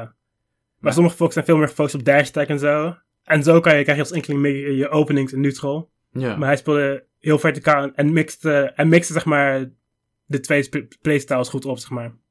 Right. Ja, dat is natuurlijk wel eh, ook wel extra lastig voor Nederlanders. Want ja, goed. We hebben al een heel lange tijd geen goede Fox meer. Ehm in Smash 4 ja. hadden we dan eh, Patrino en mijn Pocket. Of nou ja, Secondary Fox. Mhm. En in Ultimate was het aan het begin van de game nog wel zo. En daarna was het eigenlijk vrijwel gone met de Foxes. Dus Ja. hoe, ehm, want goed, ik neem aan dat jij in die tijd wel weer hebt gekeken naar de Fox matchup en hebt geanalyseerd van wat kon ik beter doen? Ehm, hoe pak jij zoiets aan? Ehm, ja, voor die matches had ik... eh, ik had ze beide meerdere keren gekeken. Mhm. En ik merkte wel dat er een paar momenten waren van... Oh, ik maakte een execution error en zo. Ja. Maar vooral in die, match, vooral in die set merkte ik gewoon van... Hij speelde beter dan mij. Mhm. En wat vooral het grote verschil was in die set specifiek... Was, ik, was dat, ik in, dat ik hem niet vaak offstage kon krijgen. Oké. Dus... Maar ik, ik heb nog niet helemaal uitgevogeld in hoe ik, hoe ik het de volgende keer ga doen. Mhm. Maar dus wat ik nu wil doen eigenlijk is nog tegen meer, meer Foxen spelen. Ja. Om te leren van hoe spelen hun precies neutral en wat is de beste manier om het steeds te krijgen. En om, nog te kijken welke of Palutena of Inkling beter is in de matchup. Ja. Dus ik heb eigenlijk op het moment nog, nog, veel, nog veel vragen over die ik, die ik nog moet beantwoorden voor mezelf. Ja. Maar ja, goed, dat is natuurlijk ook logisch. Het is Ja, ja. vrij lastig om nu goede practice te krijgen. Zeker voor een karakter waar eh, bijna niemand in Nederland hem op een degelijk Mhm. niveau speelt. Ehm, maar ja, in ieder geval wel goed om te horen dat je daar toch wel eh, actief mee bezig bent natuurlijk. Ehm, ja, het gaat hoogstwaarschijnlijk nog wel een, eh, een tijdje duren voordat wij terug kunnen gaan naar de echt grote, volledige toernooien Ja, die we gewend ja. zijn. Echt eh, meer dan 100 personen, bla bla bla. Stel dat wij er nu eentje zouden kunnen houden. Met alle Nederlanders aanwezig. Hoe Ja. denk jij dat die top achteruit zou zien? Oeh. Nou, ik heb Ramin heel veel offline zien streamen. Mhm. Dus ik zou wel heel hoog verwachten. Oké. Ja, hij heeft echt heel veel Ja. inderdaad met eh, Nederlandse Ja, ja, ja. topspelers gespeeld. Ik heb hem gezien met Ja, inderdaad. Young Eevee, ik heb hem gezien met Azrael, ik heb hem gezien met Ramses. Met Meru ook. Oh ja, natuurlijk met Meru ook inderdaad. Ja, ja, ja. Ja, hij heeft wel een Ik zou- flinke grind gezet. Ehm, dus ik zou... De space die ik zou verwachten zouden zijn... eh, Ramin. Mhm. Meru. Meru is natuurlijk... Meru heeft ook nog steeds, nog steeds wel wat gespeeld. Van wat, van wat ik gezien heb in ieder geval. Ja. En hij is nog steeds heel sterk van wat ik zag op zijn stream met eh, Ramin. Ehm, Sammy. Mhm. Ik zou, de, ik, zou, ik zou eigenlijk ongeveer wel de, de top 8 van de PR nog erin verwachten. Ja. En, en ik zou Ramses er ook wel in kunnen zien. In, in, in die top 8 dan. Ja. Met, met, hoeveel hij, ook- met hoeveel hij ook heeft zitten spelen. Mhm. En eh, wat vind je van ehm, iets van de, ja, een beetje meer de wildcard spelers? Dus bijvoorbeeld een, eh, een actual egg die eh, online het echt ontzettend goed en consistent goed doet. Ehm, hoe denk je dat die het eh, offline zou doen in zo'n setting? Oké, ehm misschien... hm, Ik denk dat sommige mensen boos gaan maken. Oké. Want ik zie sommige tweets van de Wi-Fi Warriors zijn niet zo goed, weet je wel. Aha. Maar ik denk dat de actual egg eigenlijk een hele goede speler is. Oké. Ik vind hem waarschijnlijk... Was, misschien, als hij naar offline zou gaan, zou hij top 10 kunnen zijn in Nederland. Oké, wauw. Dat is De- eh, flink hoog. Ongeveer 10, ongeveer 10, 11. Maar ik, ik vind hem, zijn Luigi, denk ze van, damn, oké, hij, hij, hij heeft wel echte fundamentals, zie ik wel. Oké. Ook, ook al doet hij wel wi- wi- wifi dingen, Mhm. als hij die een beetje uit zijn gameplan een beetje schapt, staat hij offline het heel goed doen, denk ik. Oké. Dat is eh, gaaf om te horen, want inderdaad... Ik, ik, ik, heb, ik heb hoge verwachtingen voor hem eigenlijk, ja. ja. er zijn inderdaad wel redelijk wat doubters. Daarom vond ik het leuk om eens een keer eh, de mening te vragen van... Ja, goed, de beste in Nederland. Want aan, aan, aan wie kan je het beter vragen? Ehm, nee, maar dat is inderdaad heel gaaf. Ehm, wat zie jij dan precies in Egg? Want je, je hebt het dan over de fundamentals. Ehm, eh, kan jij ons vertellen waar jij dan naar kijkt? Dat je zit van, oh, dat... Zoiets is inderdaad, dat, eh, dat is wel een teken van dat hij weet wat hij doet. Eh, ik heb een paar keer tegen hem online gespeeld in een paar wifi, wifi toernooien. Aha. Volgens, mij heb ik nog, volgens mij heb ik nog niet van een gewonnen online. Ik heb twee keer gespeeld tegen hem, denk ik. Mhm. En ik merkte gewoon van hoe hij, hoe hij zeg maar approach in neutral is heel, is, zeg maar, niet, is niet heel wifi, zeg maar. Oké. Dus je merkt van heel veel wifi spelers hoe ze approaches zijn, zeg maar. Ze rennen in en dan rollen ze naar je in en dan klikken, en dan klikken ze een button. Ja, ja, ja, ja, ja. En met Luigi werkt dat ook wel redelijk goed op wifi, want Luigi is, eh, heeft gewoon hele goede buttons en Mhm. zijn approach is normaal niet zo goed. Ja. Maar je merkt gewoon van, normaal, normaal approacht hij niet zo. En hij zoekt wel heel veel naar zulke Luigi dingen, maar dat is gewoon hoe de character werkt. Ja, ja, klopt. Maar ik merk gewoon van, hoe hij neutral speelt is meer... Ik wil niet, ik wil niet zeggen dat het eh, elegant is, want dat is het niet. maar het is wel, wel wel fundamentals based, zou ik zeggen. Ja, ja, ja. Het is niet dat hij echt de aspecten van online, zeg maar, zit te misbruiken om zo zijn, eh, zijn winst te krijgen. Om het even zo te zeggen. Nee, nee niet, niet erg in ieder geval, niet heel erg. Niet wel, niet wel erg. Oké, oké, oké. Ja, er zijn nog wel dingen wel- die hij doet die online Ja, ja. zijn. Maar ja. als je, heel, als je heel veel online speelt, dan ja. beeld je gewoon zo je playstyle. Dus dat, Klopt, maar klopt. dat is niet iets waar je als online speler iets echt, echt, echt aan kan doen. nee, dat, voordat je offline gaat spelen. dan moet je inderdaad gewoon heel erg gewend zijn van, oké, zeg maar, wat ik in ieder geval heb als ik online speel en dan soms druk ik iets en dan zit ik van, oh, dat moet ik niet meer doen, want dat gaat in mijn gameplan anders en dat werkt niet. Ja, precies, precies. ja, maar daarvoor moet je die ervaring van offline hebben om zulke, dingen te kunnen herkennen überhaupt. Ja. Ja. Oké, interessant. Ehm, zijn er nog andere mensen waarvan je zit van, hmm, die hebben wel een, eh, een kans om redelijk wat schade aan te richten eh, wanneer offline Hmm. weer opent? Want ik, we hebben bijvoorbeeld ehm, eh, Lapis en Zemmel eh, ook gezien, die offline ook redelijk goed presteerden voor, toen ze de kans kregen. Ja, ik, zie- ik, ik zie Lapis zie ik ook wel op de PR komen, de volgende. Wanneer, wanneer die zou kunnen komen, als hij heel veel offline attempt. Ja. Maar ik denk wel dat Egg voor me, voor me, voor me uitschijnt, zeg maar. Ja, ja, ja, ja. ja. Oké, zou je het een beetje vergelijken met hoe jij en Sammy waren in Smash 4? Ehm, ik weet niet of ik zo ver zou gaan. Oh, oké, Ik weet- oké, Ik weet niet of ik zo ver zou gaan. Maar hij is, hij, is wel, hij is wel heel goed. Hij is wel heel goed. Oké. Oké. Ik was gewoon benieuwd. En dit is ook weer eh, gelijk een mooi bruggetje naar... eh, ja, goed. eh, toch alweer het laatste onderwerp van vandaag. Gaat lekker snel. Ehm, en dat ging eigenlijk over... Wat maakt een topspeler? Maakt een topspeler. Even kijken of deze formatting goed is op de stream. Want dat is altijd een ding. Ja, ja, ja, ja, ja. Heeft hij gewoon goed gedaan. Oké. Eh, dus ja, goed. We hebben het er al een beetje over gehad. Ehm, dat jij bij X zeg maar, echt keek naar zijn fundamentals en zat van, oh, zeg maar, zelfs online kon je zien van, hij is best wel damn decent. Ehm, maar voor veel spelers is het toch wel redelijk abstract om het, zeg maar, die klassificering van low level, mid level, high level, top level te krijgen.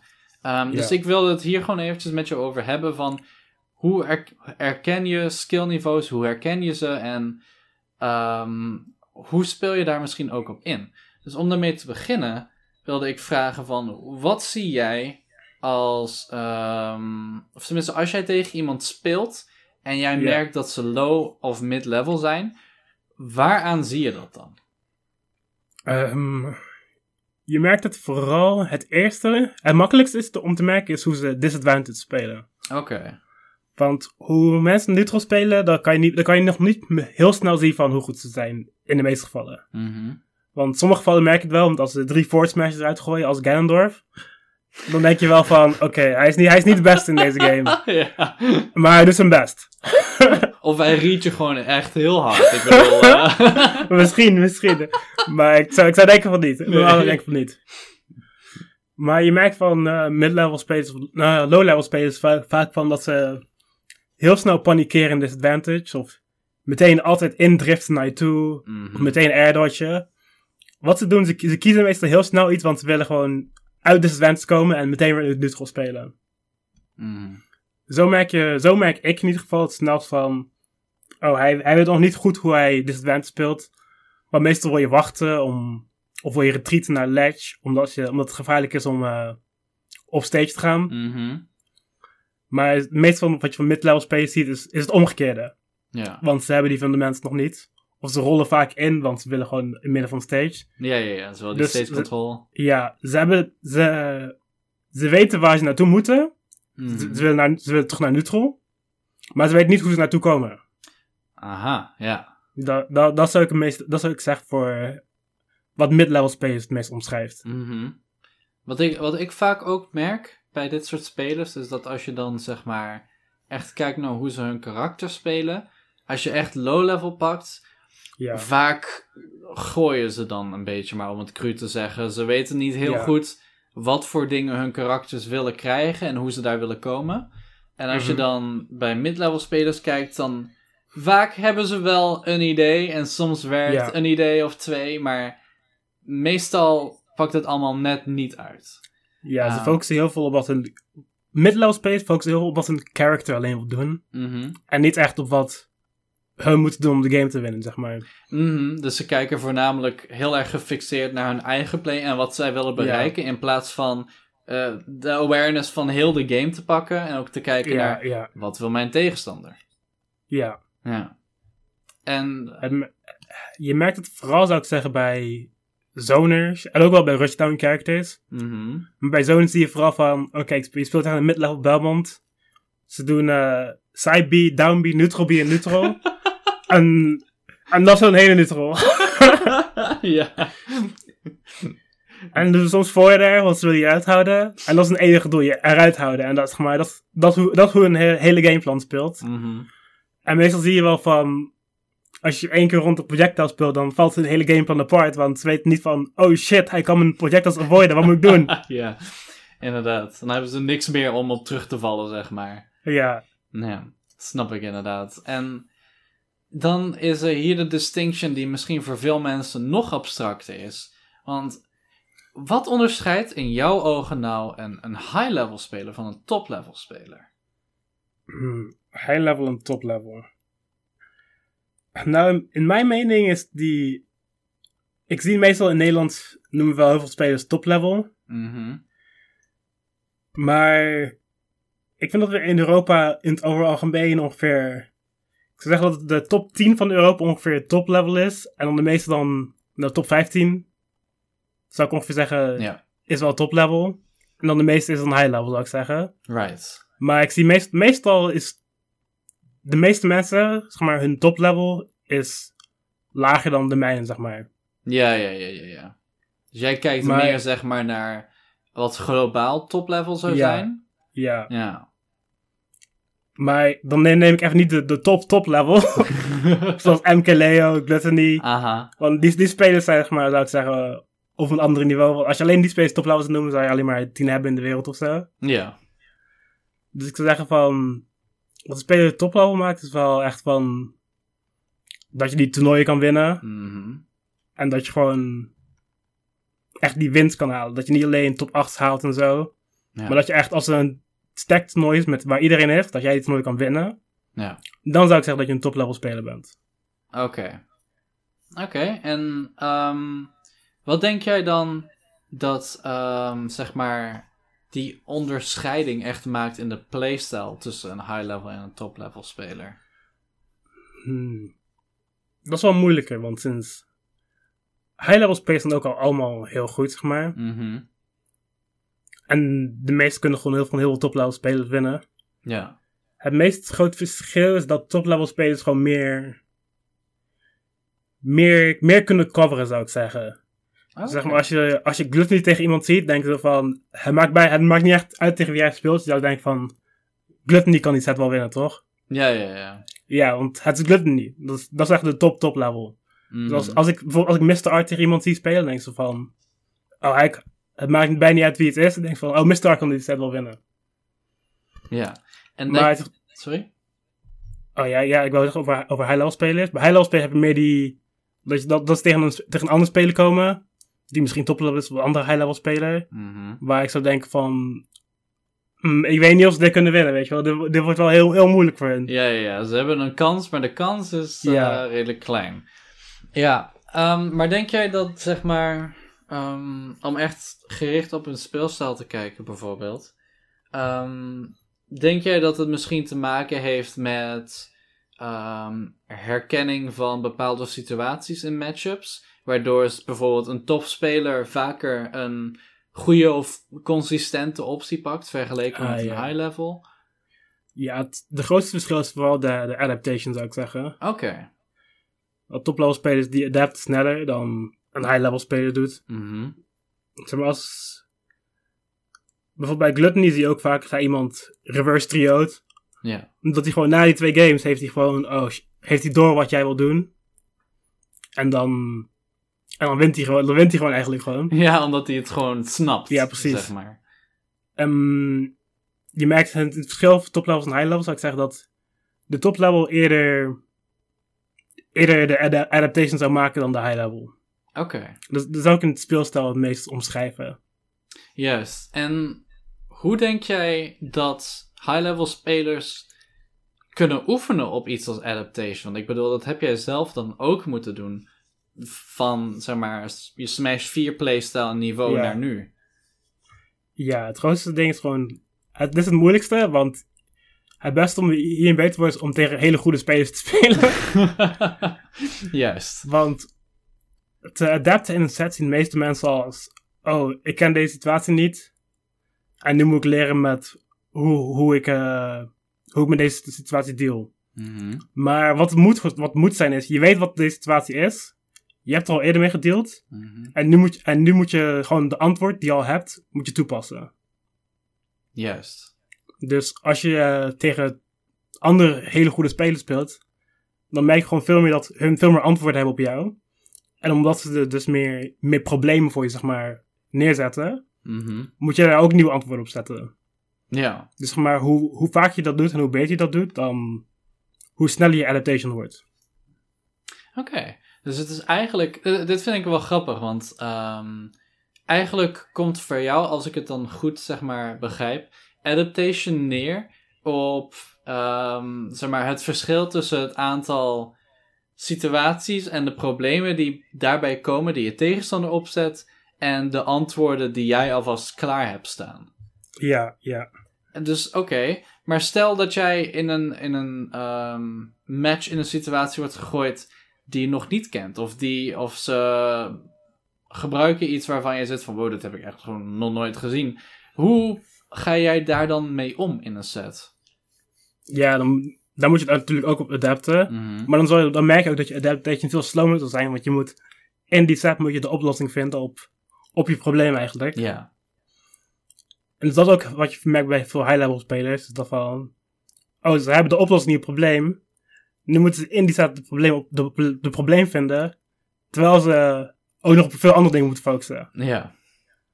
En dus als, als ik dat heb in een set, dan denk ik ook van, oh, dit, dit, dit is wel een probleem. De- neem je dan ook zeg maar tussen de games door even de tijd om het nog eh, goed over na te denken? ja, Hmm. ja. Ik ga, ik ga tijdens de games ook meestal... Dan denk ik een beetje tijdens, voordat ik, mijn- voordat ik mijn character inlog, dan denk ik een beetje. Ja. Zeg maar, een, een beetje stallen. En dan denk ik een beetje van, oh, hoe moet ik dit probleem oplossen? En als ik denk dat ik een antwoord heb, dan ga ik er weer terug in. Oké, ja. En heb je ook, ehm, zeg maar, ja, ja, vast wel, maar zeg maar notities die je bijhoudt? Of pak je dan ook notities erbij, bijvoorbeeld tegen een bepaalde speler, om nog even een refresher te krijgen? Of... Eh, als, ik, als ik me heel goed wil voorbereiden op die speler, dan doe ik dat wel, ja. Ja, ja. Ik had dat gedaan tegen Gluttony. Mhm. En ik heb het ook een paar keer gedaan tegen Sammy. Ja. En tegen Mr. heb ik dat ook gedaan. Dus die, die spelers dacht, dacht ik van, oké. Dit, zijn een, zijn een paar probleemscenario's. die, ik, die ik altijd geven. Van, oké, als, als dit gebeurt, doe ik dit. Ja. En dan heb ik die adaptation eigenlijk al gemaakt voordat het al gebeurd is. Mhm. En dus dan moet je in de tijd ook minder over nadenken, na te denken. Juist. Dus eigenlijk, om het nog heel kort samen te vatten, goed voorbereid is het halve werk. Ja, ja. ja, Oké. Denk je ook dat, um, want je zegt dan dat topspelers um, veel met andere top-level spelers ook spelen om te oefenen. Denk je dat high- en top-level spelers um, ook op een andere manier de game echt oefenen? Of denk je dat het vrij vergelijkbaar is, of, maar dat topspelers zeg maar gewoon betere oefening krijgen? Hmm. Dat is heel moeilijk om te zeggen, want het is natuurlijk verschil per persoon. Ja, ja, ja, tuurlijk. Want ik, ik woon in Zeeland, Mhm. dus ik, ik kan niet altijd met iedereen in Nederland oefenen, want het is ver en zo. Ja. Dus ik doe, ik doe vooral heel veel mentaal, denk ik, na van hmm, hoe kan ik beter dit, deze situatie doen. Maar ik weet niet hoe andere spelers dat specifiek zouden, Nee. zouden oplossen eigenlijk. Oké, nee, dat snap ik inderdaad. Dat is natuurlijk heel lastig om te beantwoorden. En eh, sowieso om vanuit iemand anders een niveau te praten is ook heel lastig. Dus eh, oké, bedankt. Ehm, ik voel me ook nog af. Want ehm, ja, goed, als jij tegen iemand speelt in bracket die je nog helemaal niet kent. ehm, hoe identificeer je dan zeg maar, iemands niveau? Losstaand van natuurlijk iets als seeding. Dus in je round 1 van je pool zou je waarschijnlijk niet zo'n heel goede speler krijgen. Maar stel je bent iets later in het toernooi en je kent iemand niet. Wa- Wat is het waar jij zeg maar, op focust zodra de match start? Ehm, dit, deze scenario heb je vaak in out-of-country toernooien. Mhm. Dus dan ga je bijvoorbeeld naar, naar Duitsland. Ik ging naar Duitsland een document natuurlijk, Ja. laatst. En ik had een, de laatste match van mijn pool moest ik tegen, moest ik tegen een Yoshi. Mhm. En ik wist niet hoe goed deze Yoshi was. Oh ja, Dus- ik weet het nog inderdaad. Sansi, was dat het? Ja, Sansi was het. Sansi was het. Dus ik ging gewoon in mijn trainen. En de eerste match ging helemaal niet goed. Mhm. Ik merkte voor mezelf ook, oké.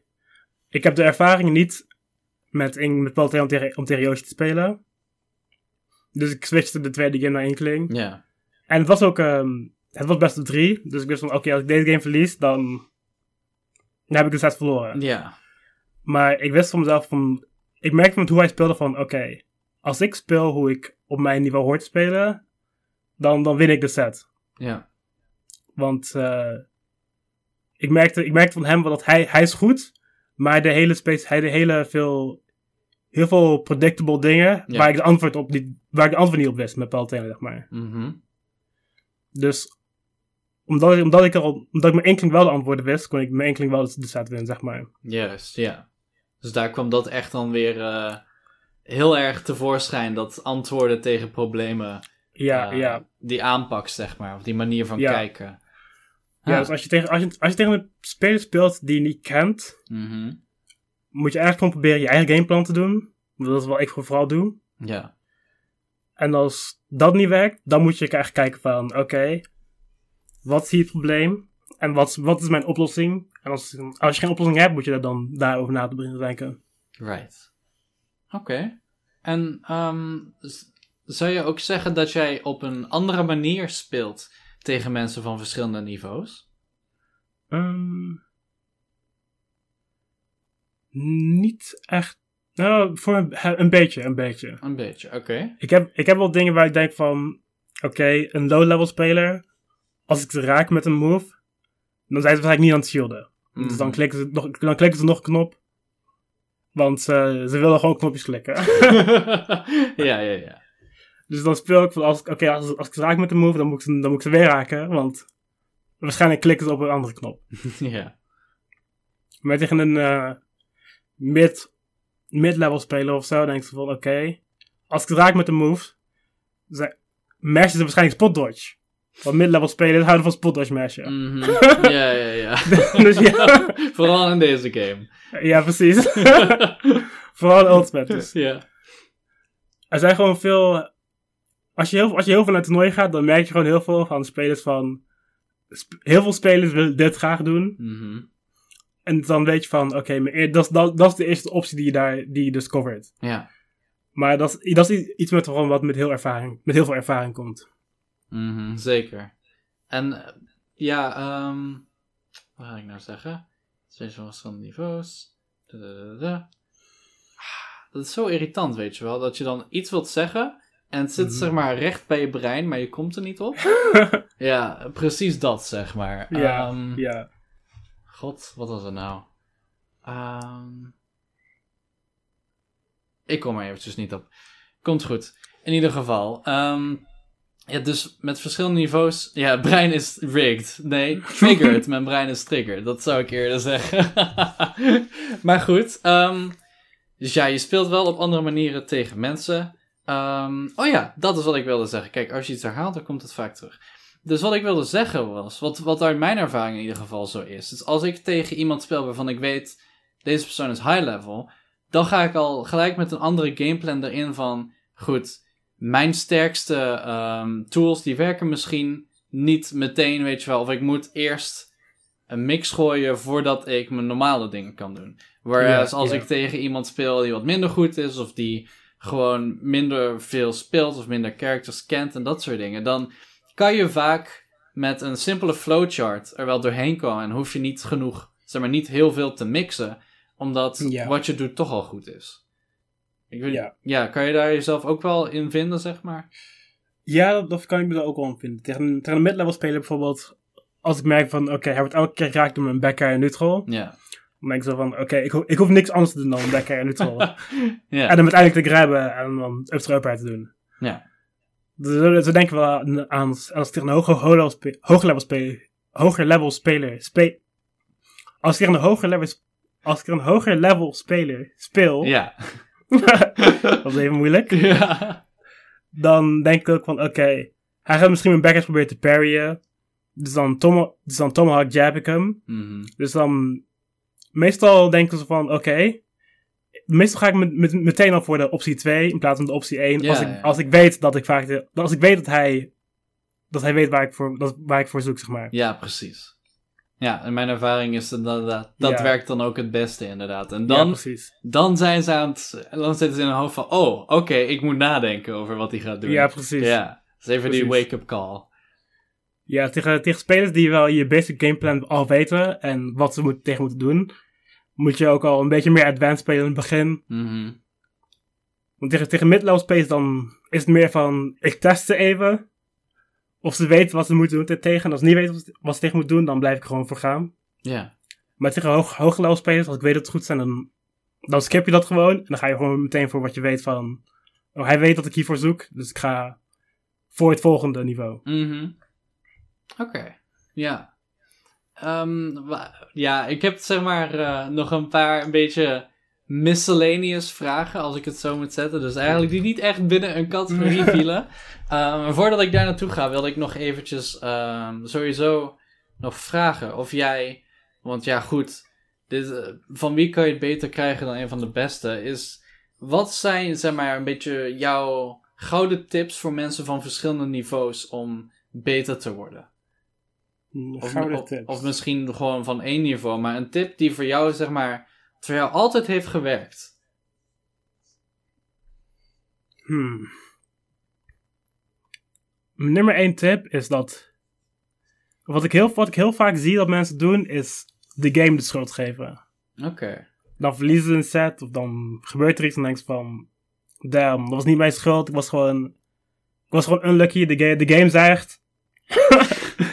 en, ik, en ik had deze gewoon kunnen winnen als de game niet zoog. Ja, ja, ja. ja. Maar de nummer één tip is eigenlijk gewoon als je verliest, dan moet je er responsibility voor nemen. Mhm. Dus het, is- het is jouw schuld. Jij houdt de controle vast. ja. Niemand had de controle van je afgenomen. ja, precies. en als je, zo, als je zo nadenkt, kan je gewoon veel sneller reflecten over, over wat je fouten zijn in plaats van iets, iets anders wat niet related is de schuld geven. Ja, ja. Het is een beetje eigenlijk uh, een makkelijke manier om de schuld van jezelf af te schuiven, als het ware. Ja, van, ja. Het ligt niet aan mij, het ligt aan dit, het ligt aan dat. In plaats van dat je echt kijkt van, oké, wat is er fout, waar ging het fout en hoe kan ik het aanpakken. Ja. Of de meeste spelers focussen op van, er ging één stok iets mis in een best of five set. en, dan, en, en, dan zei ze van, door die ene stok ja, ja, heb ik de hele best of five set verloren. ja. Nou ja, goed. het kan natuurlijk zijn dat er iets zo stoms gebeurt waar je super tilted van bent. ja. Maar dan moet je daaraan werken in plaats van... Ja, uh, precies. Ja. Oké, ik denk dat dat inderdaad wel een, een heel goede tip is voor sommige mensen. Dat, uh, dat ze wel eventjes een beetje kritisch en met goede zelfreflectie moeten kijken naar hunzelf en hun eigen speelstijl. En daar iets uithalen in plaats van uh, zomaar iets anders de schuld geven, inderdaad. Ja, precies. Oké, ja, dan had ik nog een paar overige vragen voor je, voor je die mij leuk leken, maar die gewoon niet passen in een categorie. dus laten we beginnen met um, een beetje een recenter iets. Dus ja, goed, we hebben een nieuwe patch en daarbij kwam in dit geval een nieuw karakter. Um, wat Ja, vind je van Steve? Wel, ik heb geen idee wat die karakter doet. Oké.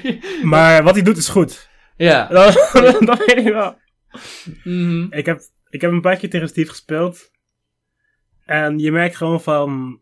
Zijn punish game is een van de beste in de game, merk, merk je meteen al. Ja, ja, ja, ja, ja. Want je wordt gewoon geuptild en dan neem je 60%. Die damage output is crazy. Ja, zijn damage output alleen al maakt hem al een sterk karakter, vind ik. Mhm.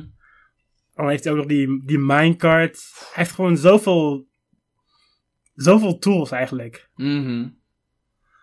Ja, het is, het is heel lastig om er mee te dealen. Zeker met Ja. een nieuw karakter die zoveel gekke, unieke dingen heeft. Ja, ik, zou- ik heb geen idee waar hij op de tier is. Nou, ik wil, ik, wil, ik wil zeggen, ik heb geen idee, maar ik weet dat hij niet slecht is. Hij is niet slecht. Right, ja, ja, ja. Ik vind dat hij sowieso een goed karakter is. Maar ik heb geen idee waar, hoe goed hij is. Ja, daar kan ik me ook wel in... eh, daar kan ik ook wel in meegaan, inderdaad. Ja, Je hebt sommige mensen die dan... Iets al. Eh, die, die dan zeggen dat hij de slechtste in de game is. dat, dat zie ik niet. echt niet. nee, dat, dat, dat is, er is geen wereld waar Steve de slechtste karakter in de game is. ja, dat lijkt me ook niet, inderdaad. Oh, Jesse zegt in de chat, Lars, ik schrok me dood. Sorry, boys. ik, eh, ik kon het niet laten. Ik moest het een beetje censoren voordat eh, de call-out te hot was.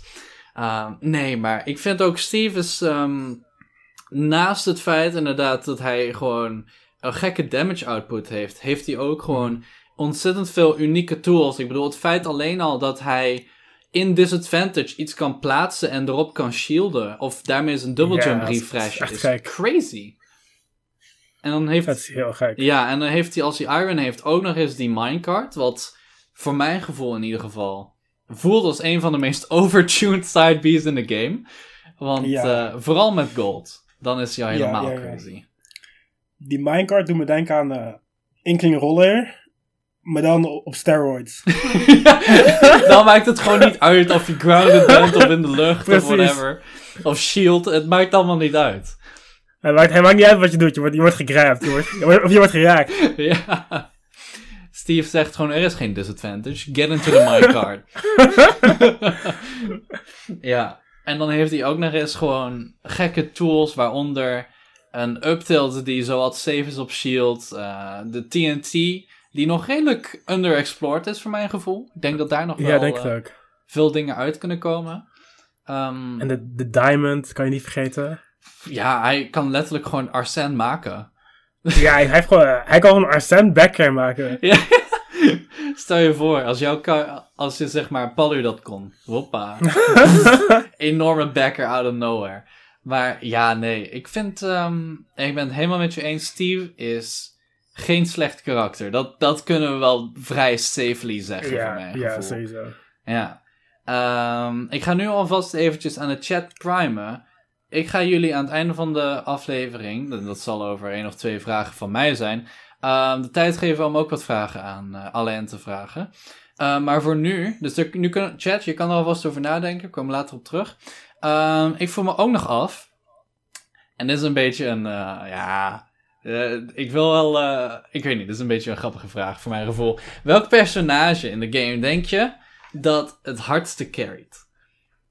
Het hardste carried? Ja. dat, is, een goede, goede vraag. Je mag me ook een top 3 geven of zo als het te moeilijk is. Maar ik, ik... ik, moet, ik, moet, ik moet naar de characters kijken. Ik moet naar de characters kijken. Oké, oké, oké. Eh, Het is sowieso gewoon een grappige vraag, weet je. Omdat, ja goed, we, we grappen altijd van... We carryen, we carryen, die carried mij, bla bla bla. En eh, ik bedoel, het is al een good fun. Maar er zijn wel een paar characters die gewoon een beetje lak hebben aan de regels van de game. Soms, weet je wel. Uh, dan speel je dan tegen en dan zit je echt van, wat is dit? Why? Ja, bij sommige characters zie ik zie mensen spelen en van, damn, die character speelt zichzelf gewoon. ik zie al uh, mensen in de chat Greninja zeggen, aha. Ik, funny guys, yes. Lekker mij plagen. Wie zou ik noemen? Ik zou, hmm, dat is een heel goede vraag. Ik denk dat ik. Ik vind sowieso dat qua karakters die aspecten skippen van de game die je anders wel moet spelen. Heb je bijvoorbeeld iets als uh, Game Watch. Die... Oh, dat is, de, dat is de eerste die ik ging doen. Fijn dat we het daarover eens zijn. Oh. nou, maar zeg maar. Weet je wat het is? gewoon. Ik wil dat gewoon eventjes zeggen voordat we zeg maar, carry is niets negatiefs. Ik wil dat dat duidelijk is. Nee. Het is nergens goed als jij een character speelt die jou helpt beter worden in de game. In feite. Er is niks fout met gecarried worden. Maar het is wel grappig om over te praten. Het is heel grappig. maar ja, goed. Dus ja, Game Watch, wat, wat is jouw beredenering daarvoor? Um, nou, in deze game zijn heel veel dingen safe op shield. Mm Behalve tegen Game Watch. Right. Game Watch skipt, skipt, dat, skipt dat helemaal. Het hele aspect van save op shield bestaat niet tegen Game Watch, want hij heeft een vreemde reale shield optie die beide kanten van aanraakt. Ja. Dus dat maakt uh, out of shield heel easy. Hij maakt juggelen easy. Mhm. Nou, je wil, je wil meestal met up juggelen, maar hij maakt als iemand boven je is en je wil pressuren, heb je al meteen een, een makkelijke optie. Mhm. Dus het maakt. En zijn kill power uit zijn smash attacks, die heel safe zijn, maar carryt hem ook wel heel veel, zou ik zeggen. ja, dus wat dat betreft heeft hij gewoon ietsjes minder moeite met uh, daadwerkelijk, zeg maar, bepaalde aspecten van de game, zoals een kill krijgen of disadvantage. Want ja, ja. Zijn, zeg maar, naast dat zijn up goed is uit de shield, is het ook nog eens invulnerable. Dus je kan het offstage eigenlijk ja, niet precies. pressure, dat soort dingen. Ja. Oké. Hij, heeft, hij heeft gewoon minder dingen minder dingen waar je goed in hoeft te zijn om Game Watch te spelen. Natuurlijk, hij heeft zijn weaknesses, dat hij, hij is heel licht. Ja. En dat is het eigenlijk. zijn, nut was niet geweldig. Ja, zijn nut was een beetje lineair. Hij is, hij is heel licht, dat is, dat, dat, is, dat is het grootste. ja, ja, ja, precies. En uh, wordt ook uh, gezegd in de chat, bijna elk character skipt wel wat dingen, je hoeft niet letterlijk alles te leren. Klopt helemaal. Het is Dat gewoon klopt, in dit geval, zeg maar, dat het iets meer skipt of iets makkelijker dan een ander. Maar zoals we al zeiden, er is niks fout aan gecarried worden of dingen skippen van de game. Want je, goed, als het werkt, dan werkt het. Daar komt het uiteindelijk op neer. Um, goed, chat. Dan voer ik me af. Of dan is het nu tijd voor jullie om uh, nog vragen te stellen. Um, Alain, in de tussentijd kan jij je socials eventjes pluggen voor jezelf, waar mensen jou terug kunnen vinden? Oh ja, mijn uh, Twitter is uh, Spacesama. Mm -hmm. En ik heb, uh, ik heb ook een stream waar ik soms op stream. Ik wil er vaker op streamen, maar ik heb helaas niet zo heel veel kans voor gekregen. Aha. het is twitch.tv slash space en dan underscore sama. Oké. Okay. Nou, duidelijk. En yes, dat zijn ze. Yes. Uh, er zijn inderdaad al wat vragen. Um, om gelijk terug te haken op de stream. Uh, op de andere vragen kom ik nog op terug, chat. Horation die vraagt: Wat zijn je stream- en contentplannen? Want we zitten toch nog wel een tijdje vast. ik, wil, ik, wil wel, ik wil wat YouTube-video's maken. Maar het is een beetje van. Het is een beetje denk van. Waar, waar zullen mensen in, interesse in hebben, weet je wel? Mm -hmm. wat, waar ik nu op zit is zeg maar inkling guides maken dat is waar, daar wil ik mee beginnen, want ja, ik ben de Inkling main, de Inkling guy, weet ja, je wel? Ja, ja, No-brainer. Dus daar, daar, daar wil ik mee beginnen en dan wil ik zo een beetje uitbreiden naar andere okay. Smash content. Ja, duidelijk. Um, Double C die vroeg, en dat is eigenlijk uh, een doorgestuurde vraag van Bart. Uh, Bart die vroeg dus uiteindelijk: Vraag Alain over de infamous PK Flash van Smash 4. Oh nee. die reactie zegt al genoeg. Nu ben ik benieuwd.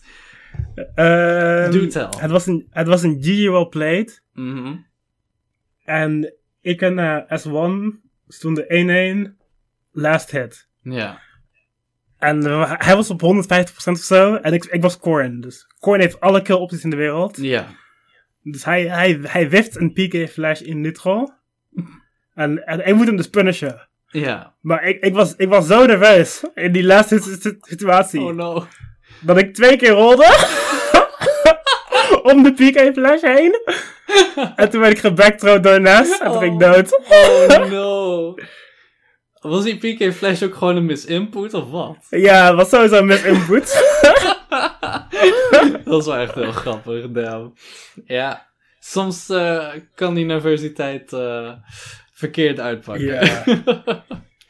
ja, ik had in Smash 4, had ik altijd in laatste scenario's vooral had ik heel, had ik heel veel nerves. Mm -hmm. ik, ben, ik ben nu wel een beetje, ik ben nu wel een beetje beter in, maar ik merk altijd als er, als er een last hit set is, dan, dan voel ik mijn handen trillen. Ja, dat is altijd spannend. Dat, uh, ja. dat heb ik inderdaad ook. Dat, daar kom je bijna niet overheen, in feite. Um, dan vroeg Juffy nog in de chat: uh, wat is je favoriete fighting game na Smash? Hmm, dat is een moeilijke. Ik heb redelijk veel fighting games gespeeld. Niet, niet op een heel hoog level natuurlijk. Mm -hmm. Maar mijn favorieten zijn Guilty Gear en BB Tag, zou ik zeggen. Oké. Okay. En wat is het dan aan die twee games specifiek dat jij zo aantrekkelijk vindt? Uh, in die games heb je gewoon heel veel vrijheid aan movement mm. en aan opties die je hebt. Oké. Okay. In Tag, meestal zien mensen al oh, een hele simpele fighting game, maar het is eigenlijk een hele diepe fighting game die een beetje, die een beetje stom is, want er zijn heel veel mix-ups die je gewoon niet kan blokken en heel veel, heel veel domme opties die je eigenlijk hebt in die game. Dat klinkt vies. Ja, dus dat, dat, dat, vind ik echt wat, wat, wat, wat het leuk aanmaakt inderdaad. Mm -hmm. Oké. Oké, goed om te weten. En dan uh, de laatste vraag, om het uh, voor vandaag af te ronden. Ziltoid die vraagt, wie is best girl? Wie is best girl? Mm -hmm. Shinobu. Nou. Shinobu's best girl. There you have it, folks. Uh, ik zie nog van Double C in de chat vragen over set analysis. Daar hebben we het vandaag eerder over gehad. Dus daar kan je sowieso naar terugkijken. En we hebben een antwoord op wie is best girl. Het is Shinobu. De tag die je ook al eerder hebt gerokt tijdens yes. Smash toernooien. Helemaal mooi. Oké, okay, Alain, hartstikke bedankt voor jouw tijd. Bedankt dat je me hier had. Tuurlijk, ik hoop dat je het naar je zin had. En volgende week hebben wij natuurlijk weer een nieuwe gast voor jullie. Uh, we gaan het dit keer lekker kletsen met Cersei. En dan voornamelijk interessant omdat wij um, tot nu toe alleen nog maar mannelijke gasten hebben gehad. En dan gaan we een keer vragen over hoe het voor hoe het vrouwelijk perspectief binnen de Smash community is. Dus ik hoop dat jullie daarnaar uitkijken. En dan uh, zien wij jullie volgende week. Bedankt weer voor het kijken en tot dan.